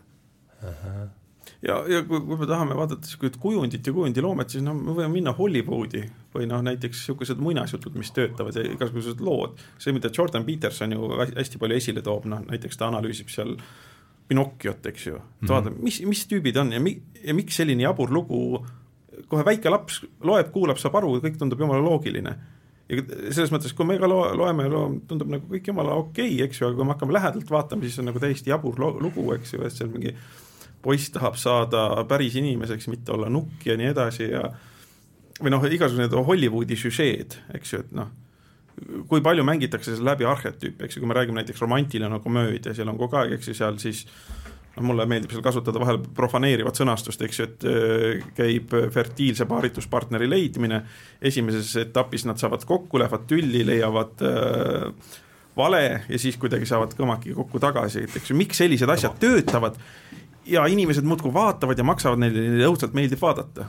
Või siis see, kuidas seda, eks ju, kangelase arhetüüpi läbi mängitakse nendes filmides, et noh, kogu aeg keegi üksik inimene päästab maailma.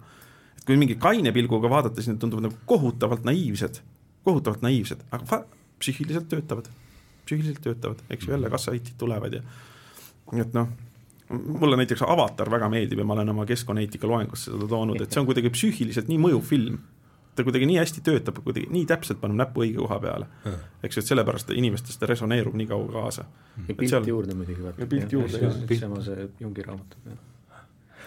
võib-olla peaks veel tegelikult läbi võtma ikkagi selle jumala surma asja ka, et Mhm. kui arhetüüpidest rääkida, et see, kuidas Freud tõlgendab seda, kuidas Jung tõlgendab kuidas paljud teised tõlgendavad, on ju, et ma ei tea, kas te eelmistes saadetes no tasub alati üle rääkida ka selles mõttes, et aga alusta. ei, ma mõtlesingi, et äkki eks-, eks- Nietzsche, Nietzsche't kõige rohkem lugenu oskab natukene valgustada, et mida võib-olla Nietzsche sellega mõtles.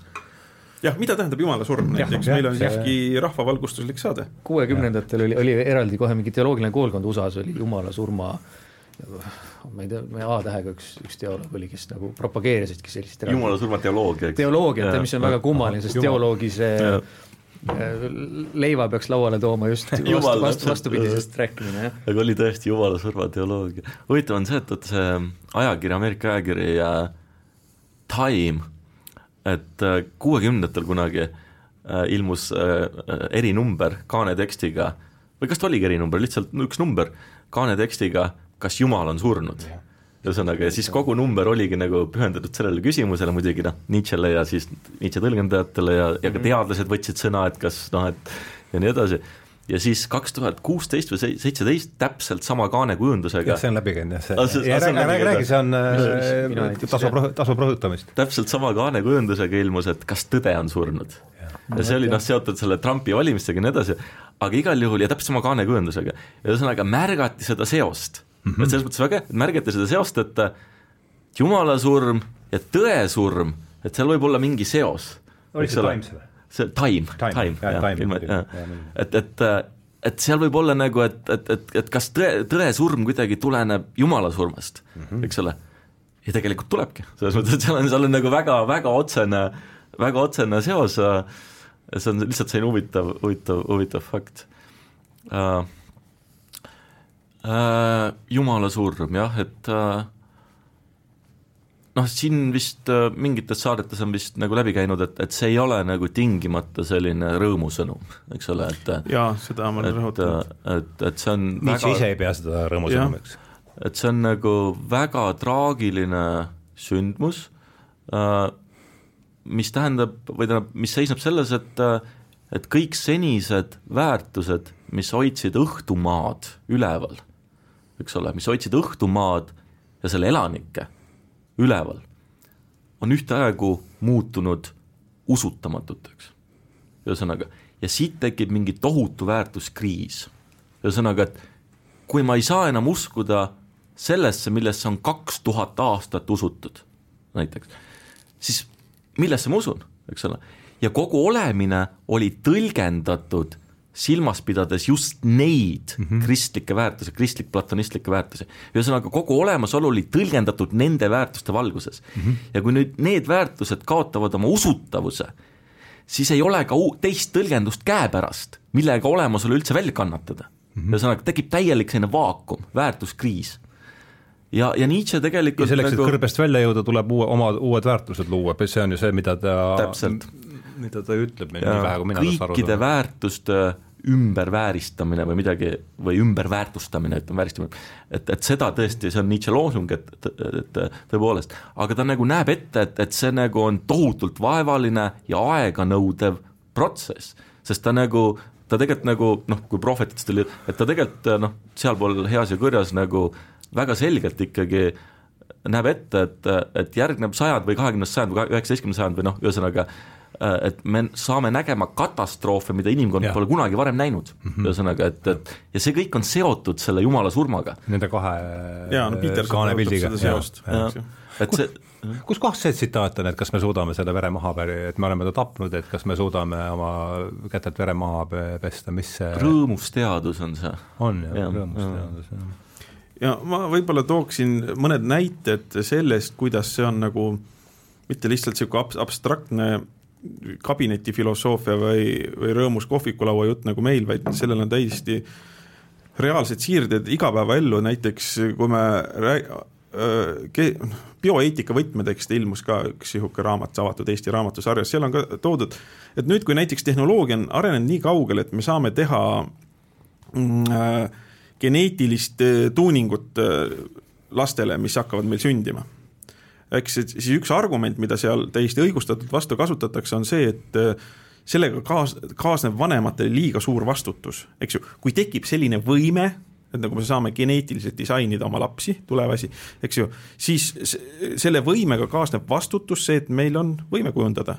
ja see tähendab, et me oleme nende loomuse eest vastutavad, millised nad on. Sest varem oli niimoodi, et no need geenid, mis läbi minu jooksevad, need jooksevad, eks ju, mina pole neid teinud, mina nende eest ei vastuta, eks ju et geenid sisuliselt jooksevad läbi minu. ja, ja, ja see, milline laps välja tuleb, ma üldse ei vastuta. aga kui mul tekib võime seal valida, siis, siis ma juba vastutan, eks ju, ja samas laps saab mulle kunagi ette heita, et kuule, miks sa mulle sihukesed geenid kokku komplonnisid, eks ju, et ma olen siin praegu lühinägelik, lampjalgadega ja täitsa loll ka veel. ja viimases võib tal täiesti õigus olla. eriti kui ta sellist etteheidet teeb, eks ju. et see vastutus on liiga suur eks ju, inimene ei kannata välja sellist vastutust ja see, mis mhm. oli üks jumala funktsioon, oli see, et eksistents ei ole kõik meie vastutada. aga Nietzsche ühes kohas ütleb, eks ju, siis kui me taipame, et nagu jumal on surnud, sel hetkel inimene muutub vastutavaks kõige selle eest mis olemasolemise läbi on määratud kannatama. vaatame, paneme siin evolutsiooni juurde, siis praktiliselt kõik olendid. see hakkab olema selline eh, mingi eksistentsialistlik niisugune. jaa, asi on see, lunastus kaob ära, aga asi on selles, vastutustunne jääb. ja näiteks, näiteks eks ju, kui me vaatame kliimanoori, eks ju, noored inimesed, kes mis neil on, nad tunnevad vastutust planeedi eest, nad tunnevad mhm. vastutust teiste liikide väljasuremise eest ja see on neile väljakannatamatu, sest esiteks nad tunnevad vastutustunnet, aga nad ei, käed on jumala lühikesed, nad ei suuda maailma päästa. aga kusjuures ma ütlen, et, et see jumalik vastutustunne neis juba ilgelt valutab mm. -hmm. ja valutab kuni depressioonini, kuni selleni, eks ju, et kliimaärevus on ametlikult diagnoos, eks ju. lapsed, noored tunnevad planetaarset vastutust ja miski ei lunasta mm, -hmm. eks ju. ja see on nagu täiesti nagu sihuke reaalne probleem no kas see ongi kliimaga, sa sõidad siin ringi no,, vaatad, siin on, siin on saagi täristatud, siin on saagi täristatud, siin on saagi täristatud ja siin on saagi täristatud, see ühel hetkel no see, see, see maailmavalu, eks ju, ma teen silmad lahti, vaatan uudistest, eks ju, nii paljud asjad on nii valesti, eks ju. ja ma tunnen ennast halvasti, nagu mina oleks seda teinud, eks ju, see vastutustunne vajub peale, noh, see on klassikaline teismeea maailmavalu, mis noh, moondub äh, inimese kasvades ja arenedes, eks ju, aga praegu ka vaatad, noh, ma ei tea, mis Toompeal toimub, ai, kuidas need sihukesed kuradid, eks ju. ja mina tunnen ennast halvasti, eks seda on, seda on ka Bergman välja toonud, eks ju, et mm, minu arust seal, kas see Maasikavälus või kus see oli, et umbes, et noh, süü jääb. eks ju. Äng jumal, jääb, äng, äng- jääb, eks ju, aga mingit põhjendust ei ole, aga eks ju noh, fenomenoloogiliselt häda on olemas. täpselt, just nagu Jah. mul tuleb kohe see Jungi lugu meelde, et või see Jungi mõte meelde, et et kui me noh, ma ei tea, ürginimesed, et, et kui oli mingisugune probleem või et, et alati sai öelda, et ma ei tea, et mingi teemon põhjustab seda, eks ole, või nii, aga tänapäeval ei ole seda, noh, ei, ei saa enam nagu omistada seda põhjust äh, mingisugusele teemonile või halvale vaimule või, ja see on palju hullem. selles mõttes, ta toob näite mingisugusest filosoofiaprofessorist, kes nagu noh, üliratsionaalne, eks ole, oota, kes teab näite? äh, Jung, Jung toob näite ühest filos- filosoofiaprofessorist, kes, kellel oli hirm, et tal on äh, ajukasvaja mm. -hmm. nii, aga noh, kümned, teda oli nagu läbi ja lõhki läbi uuritud, selles mõttes mingit kasvajat kuskil ei olnud, eks ole, nii, ja ometigi ta arvas, et tal on kasvaja.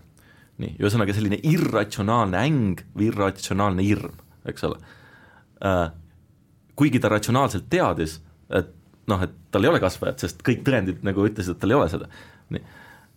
ja nüüd ongi, et, et mis on selle, mis põhjustab seda, mis on sellise, selle ängi põhjus, eks ole. ja, ja kuna põhjust noh, kui, kuna see on nagu noh, seda on nagu raske tunnistada, tal on endal, endal seda raske tunnistada, et see on lihtsalt mingi illusioon.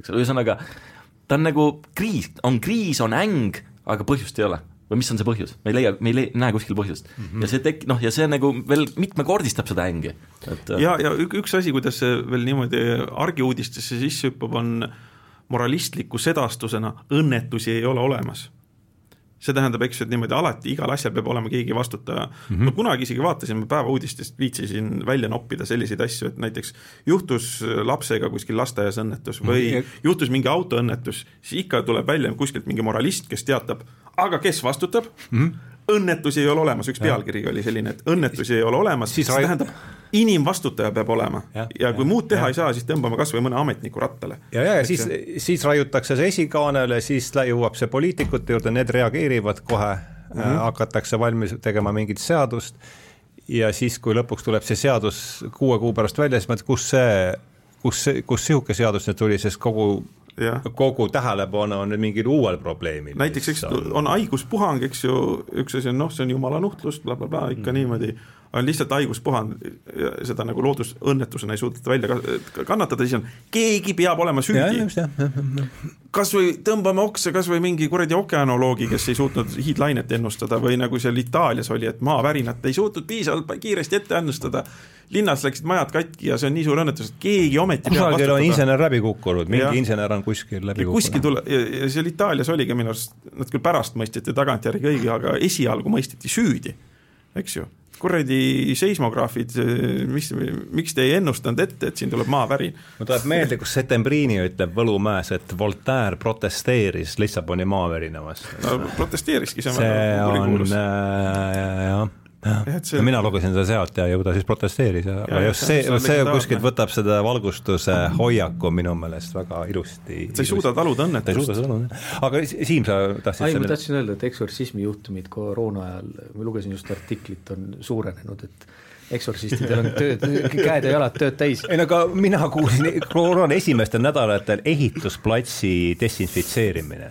No mis see siis on, see on ju, mida sina eksorts-? eksortsism, ma mõtlen nagu konkreetset äh, rituaalset aga mis see siis on, ehitusplatsi no, desinfitseerimine, see on ju samasugune, see on puhas ju ja, ja vaat, vaata, see asi on selles ja see on, see on jälle märk sellest, ei suudeta taluda seda, et mingi asi on lihtsalt halvasti, see peab olema meie kontrolli all, kuna jumal on surnud. vaata, see Charles Eisensteini kontrollimüüt on otseselt sellega seotud. inimene peab olema vastutav, maailm peab olema meie kontrolli all. Nii, aga see on äh, väga põnev, kahjuks hakkab, me peame kusagil veerand tunniga kokku tõmbama ja ma olen äh, lihtsalt kasutanud siin oma seda äh, võimu. privileegi küsida küsimus, mis mind tõesti huvitab ja see sõna teemon käis siit juba läbi äh, Hillman selles seitsmetunnises seminaris Jungist ütleb ühel hetkel täiesti enesestmõistetavalt, et äh, moodne, moodne demonoloogia, demonoloogia on moodne Jungi psühholoogia, ta tõmbab sinna vahele kriipsu, et mismoodi te sellest lausest aru saate? Mina arvan, et Hillman tõlgendab natuke Jungi valesti. no ei, ma mõtlen selles suhtes, et, et õigesti või õigesti, aga mida ta, mida ta võib mõelda, kuidas kui see kui Jungi lugeda, siis Jungi jaoks on ka see maailm, kus ta läheb, on ka päris teemonid olemas, aga ta lihtsalt jätab selle mängust välja ja psühhologiseerib kõike, noh, mis seal muud on, see on täpselt sama, kui sa ütled, et Marju, Marju rääkis sellest, et kõrbemungad võitlesid teemonitega, Mhm. on ju, et nad lihtsalt tolle aja kultuuri kontekstis isiksustasid neid kuidagi just see isiksus, isiksustamise printsiip jah on siin aga, aga oluline. see muidugi ei välista seda, et need päris teemonid seal ei võiks olla, see on jälle kosmoloogilise, kosmoloogia küsimus, et mis, mis on su see, kus sa üles oled kasvanud, ma ei tea, kõrvale võtta siit, et šamaanidest enne rääkisime, siis nende jaoks ei ole mingi psüühika osa, vaid need on iseseisvad, jah, autonoomsed süsteemid. jah, täpselt, ja Jung ütleb noh, sama nagu, nagu meie, meie, meie psüühikas on ka autonoomsed allüksused, no Jung ütleb see sama on- ja täpselt ja psüühikas, et kui sellel hetkel ta sai aru, et ta vist ütleb mõtete kohta, et need mõtted ei ole minu omad, vaid nad on autonoomselt täitsa minust eraldi eksisteerivad mis iganes asjad. see on see Jungi tsitaat, ma ei mäleta, kus see oli, aga et meie ainus tõeline religioon on monoteistlik teadvus, mis on haaranud meid täiesti oma võimusesse ja pannud meid fanaatiliselt eitama igasuguseid iseseisvalt eksisteerivaid või noh, autonoom-, iseseisvalt eksisteeriv ongi autonoomne süsteem, et jaa, aga noh, psühholoogia on nüüd ju täiesti üksmeelsel veendumusel, minu arust siin ühes saates käisid, kes need käisid ka, oli ka üks, oli minu arust just Jüri Allik ja kellegi teisega rääkisid sellest äh, psüühika mitmesusest, eks ju, autonoomsed süsteemid inimestes psüühilistes.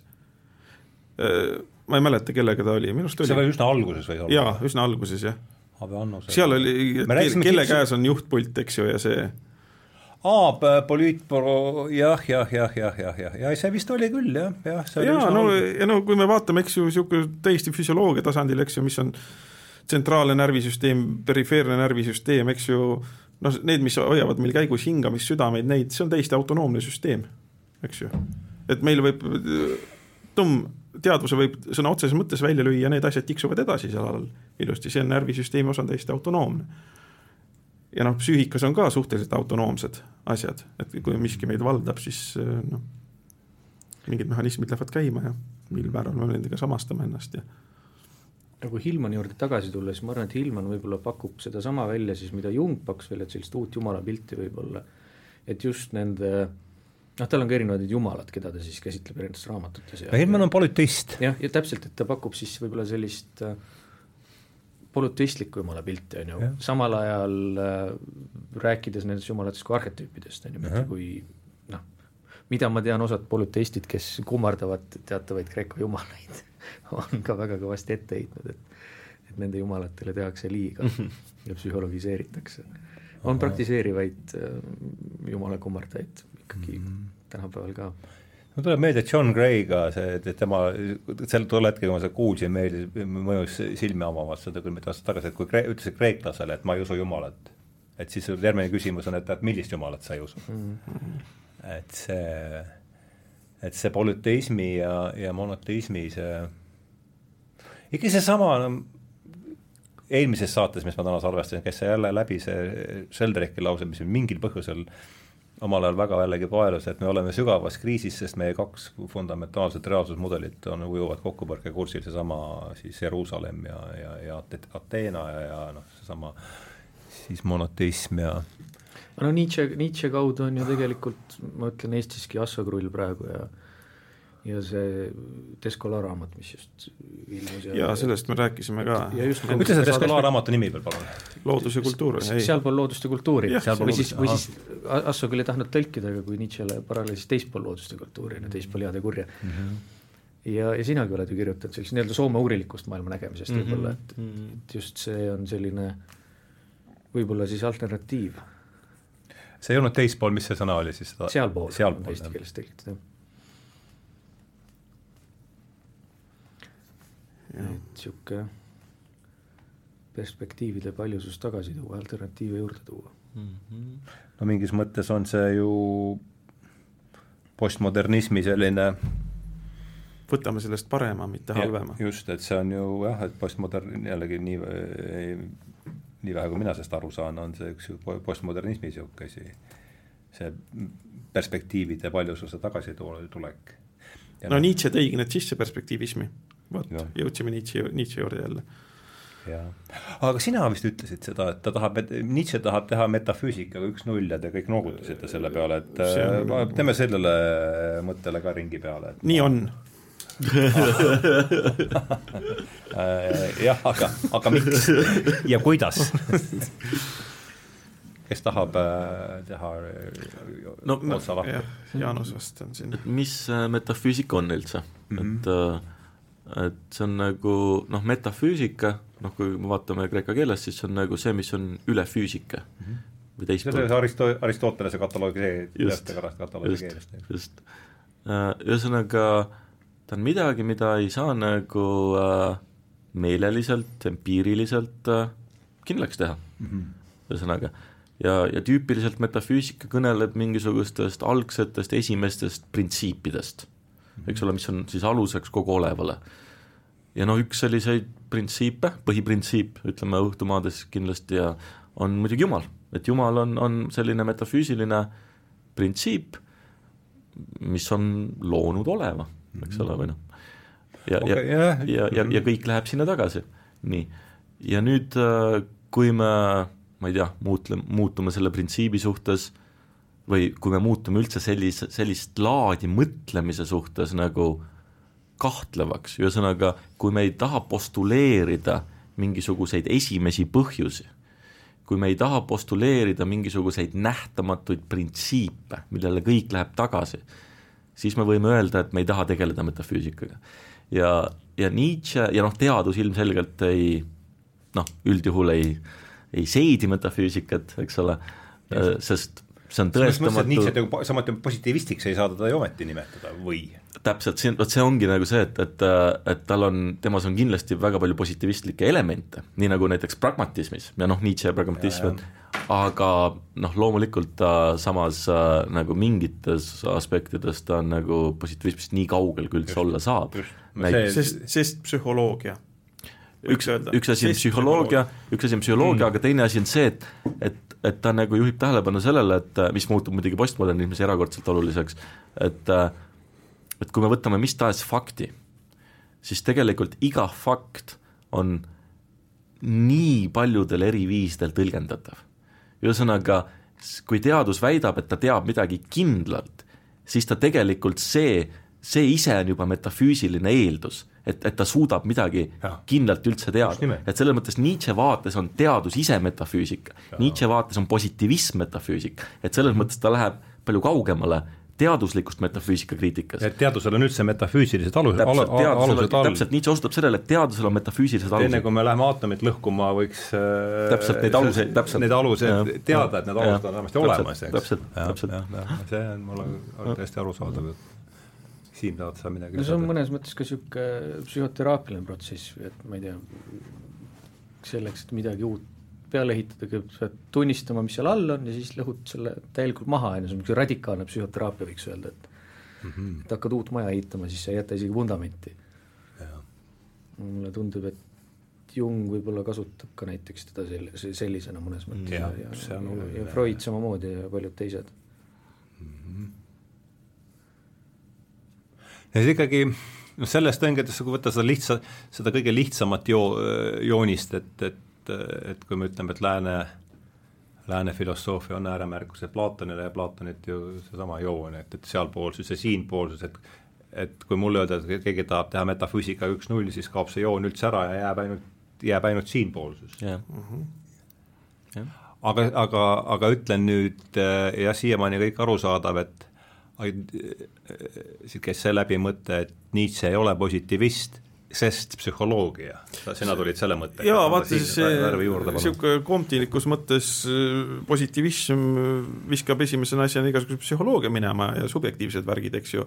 viskame kogu subjektiivse kraami minema viskame ja vaatleja minema siis juurde. viskame vaatleja minema ja, ja mõõdame, eks ju, mõõdame ohjeldamatult ja kõik, mis ei ole mõõdetav, selle teeme mõõdetavaks ja mm -hmm. aga Nietzsche on psühholoog, jah, eks ju. vaatleja on olemas teise jah, sõnade. ja vaatleja ongi kõige olulisem ja vaatlemegi vaatlejat. Hoopis vaatleme vaatlejat ja, ja ja mida see on see see- on ju see, mida süvapsühholoogia jaa, see on kogu see psühholoogiline maailm, eks ju. ei aja seal taga mingeid kuradi metafüüsilisi printsiipe, vaid vaatame psüühikat, puurime sellesse nii, nagu jaksame. ja noh, eks ju noh, nagu William James ütles ka, et vaatame kõiki fakte ja kõiki psühholoogilisi fakte, para, parapsühholoogilisi, ilmutuslikke, religioosseid ja mis iganes, eks ju, selles mm -hmm. mõttes küll, aga need on kõik psüühikad, nad jätavad mm -hmm. kõik psüühilised faktid alles, aga klassikalises mõttes niisugune koontilik filosoofia viskab jah, subjekti täiega välja läheb behaviorismi poole, noh. siin ja sealpoolsus hakkab nagu ära kaduma, et mm -hmm. teisele poole jaa äh,, aga nüüd on ja viis minutit äh, see vaatleja aspekt, kaasaegse filosoofia ajalugu võib pidada füüsika ja psühholoogia vahelise vastasseisu ajalooks, Will Durant äh,, et mis äh, nii on. tundub küll jah, ma ja mulle tundub, mulle tundub ka, et nii on, et noh, täpselt siia, siia selle arutelu, aruteluga me siia jõudsime, aga, aga aga jah, ja meid huvitab psühholoogia seda arutelu tegelikult peaks jätkama veel kellegi teisega ja sest me rääkisime psühholoogia algusest, aga sel noh, sellest on ka nüüd üle saja aasta möödas, et need jooned ja noh, Hillman on üks ainult nendest, aga neid variante on väga palju, et muidu võib-olla jääbki mulje, et Freud ja Jung ja noh, nad on nii suured kujud, aga, aga tegelikult kõik see, mis on hiljem tulnud, et aga vaata, nagu iga, iga sellise uue sündmuse alguses mängitakse mm -hmm väga palju eri vorme läbi, peaaegu kõik vormid mängitakse mingis mõttes mm. läbi, võtame filosoofia, Vana-Kreekas oli nagu sadu erinevaid koolkondi, ühesõnaga kõik võimalused, noh, kõik on muidugi liiga palju öeldud, aga tohutul hulgal võimalusi mängitakse läbi ja siis hiljem selle, no ütleme, selle kahe tuhande aasta jooksul tegelikult nagu noh, on see nagu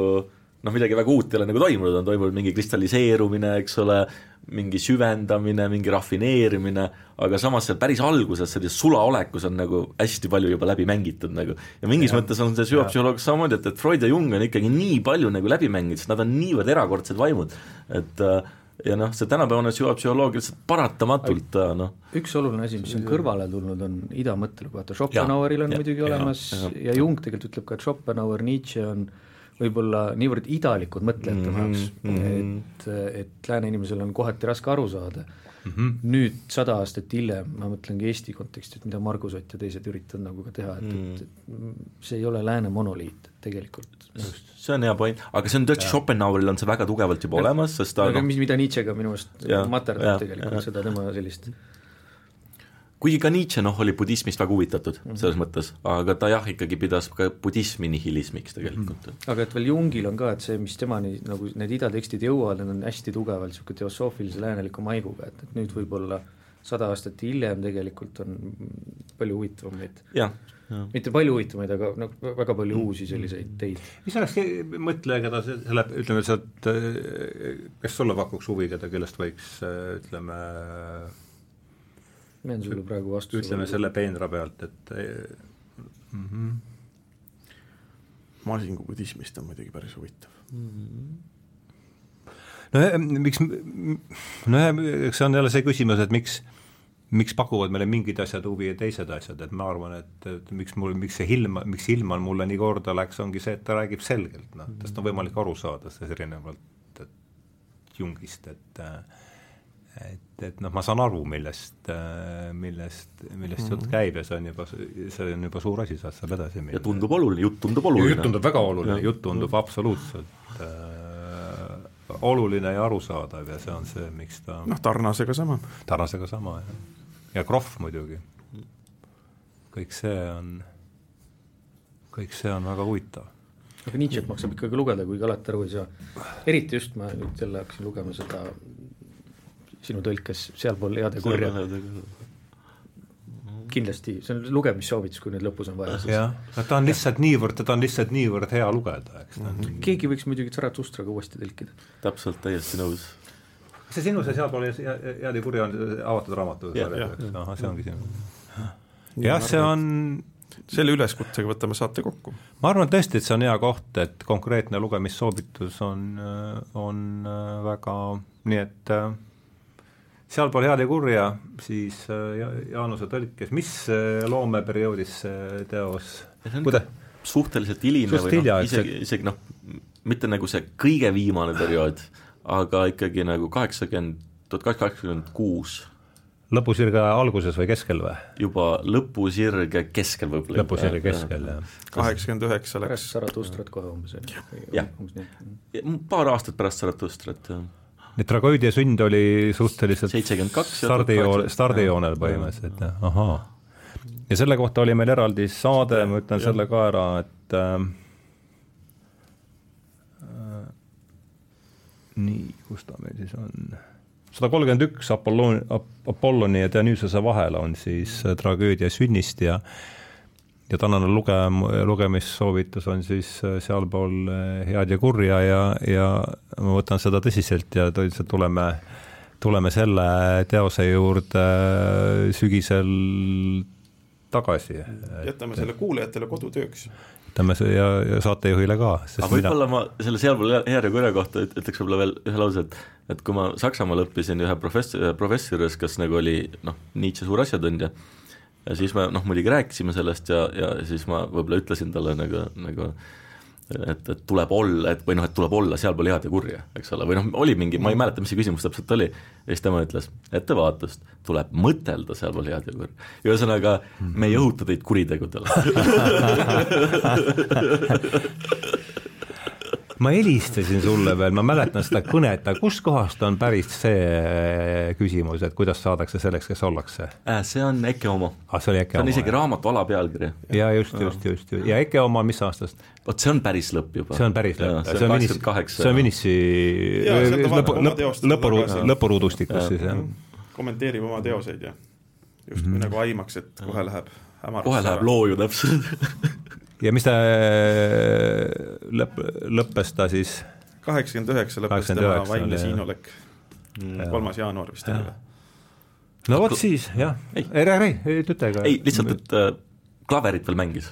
klaverit veel mängis. kuulge, aga ei jõua teid ju jälle ära tänada selle eest, et tulid, äh, tulid, võtsite vaevaks äh, tulla siia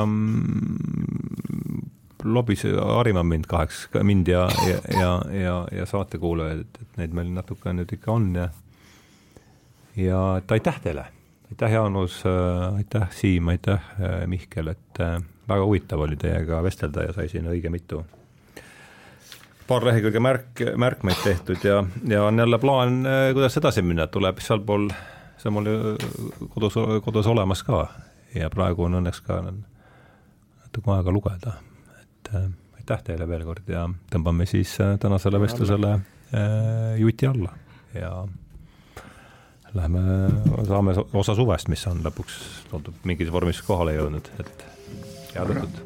aitäh, nägemist!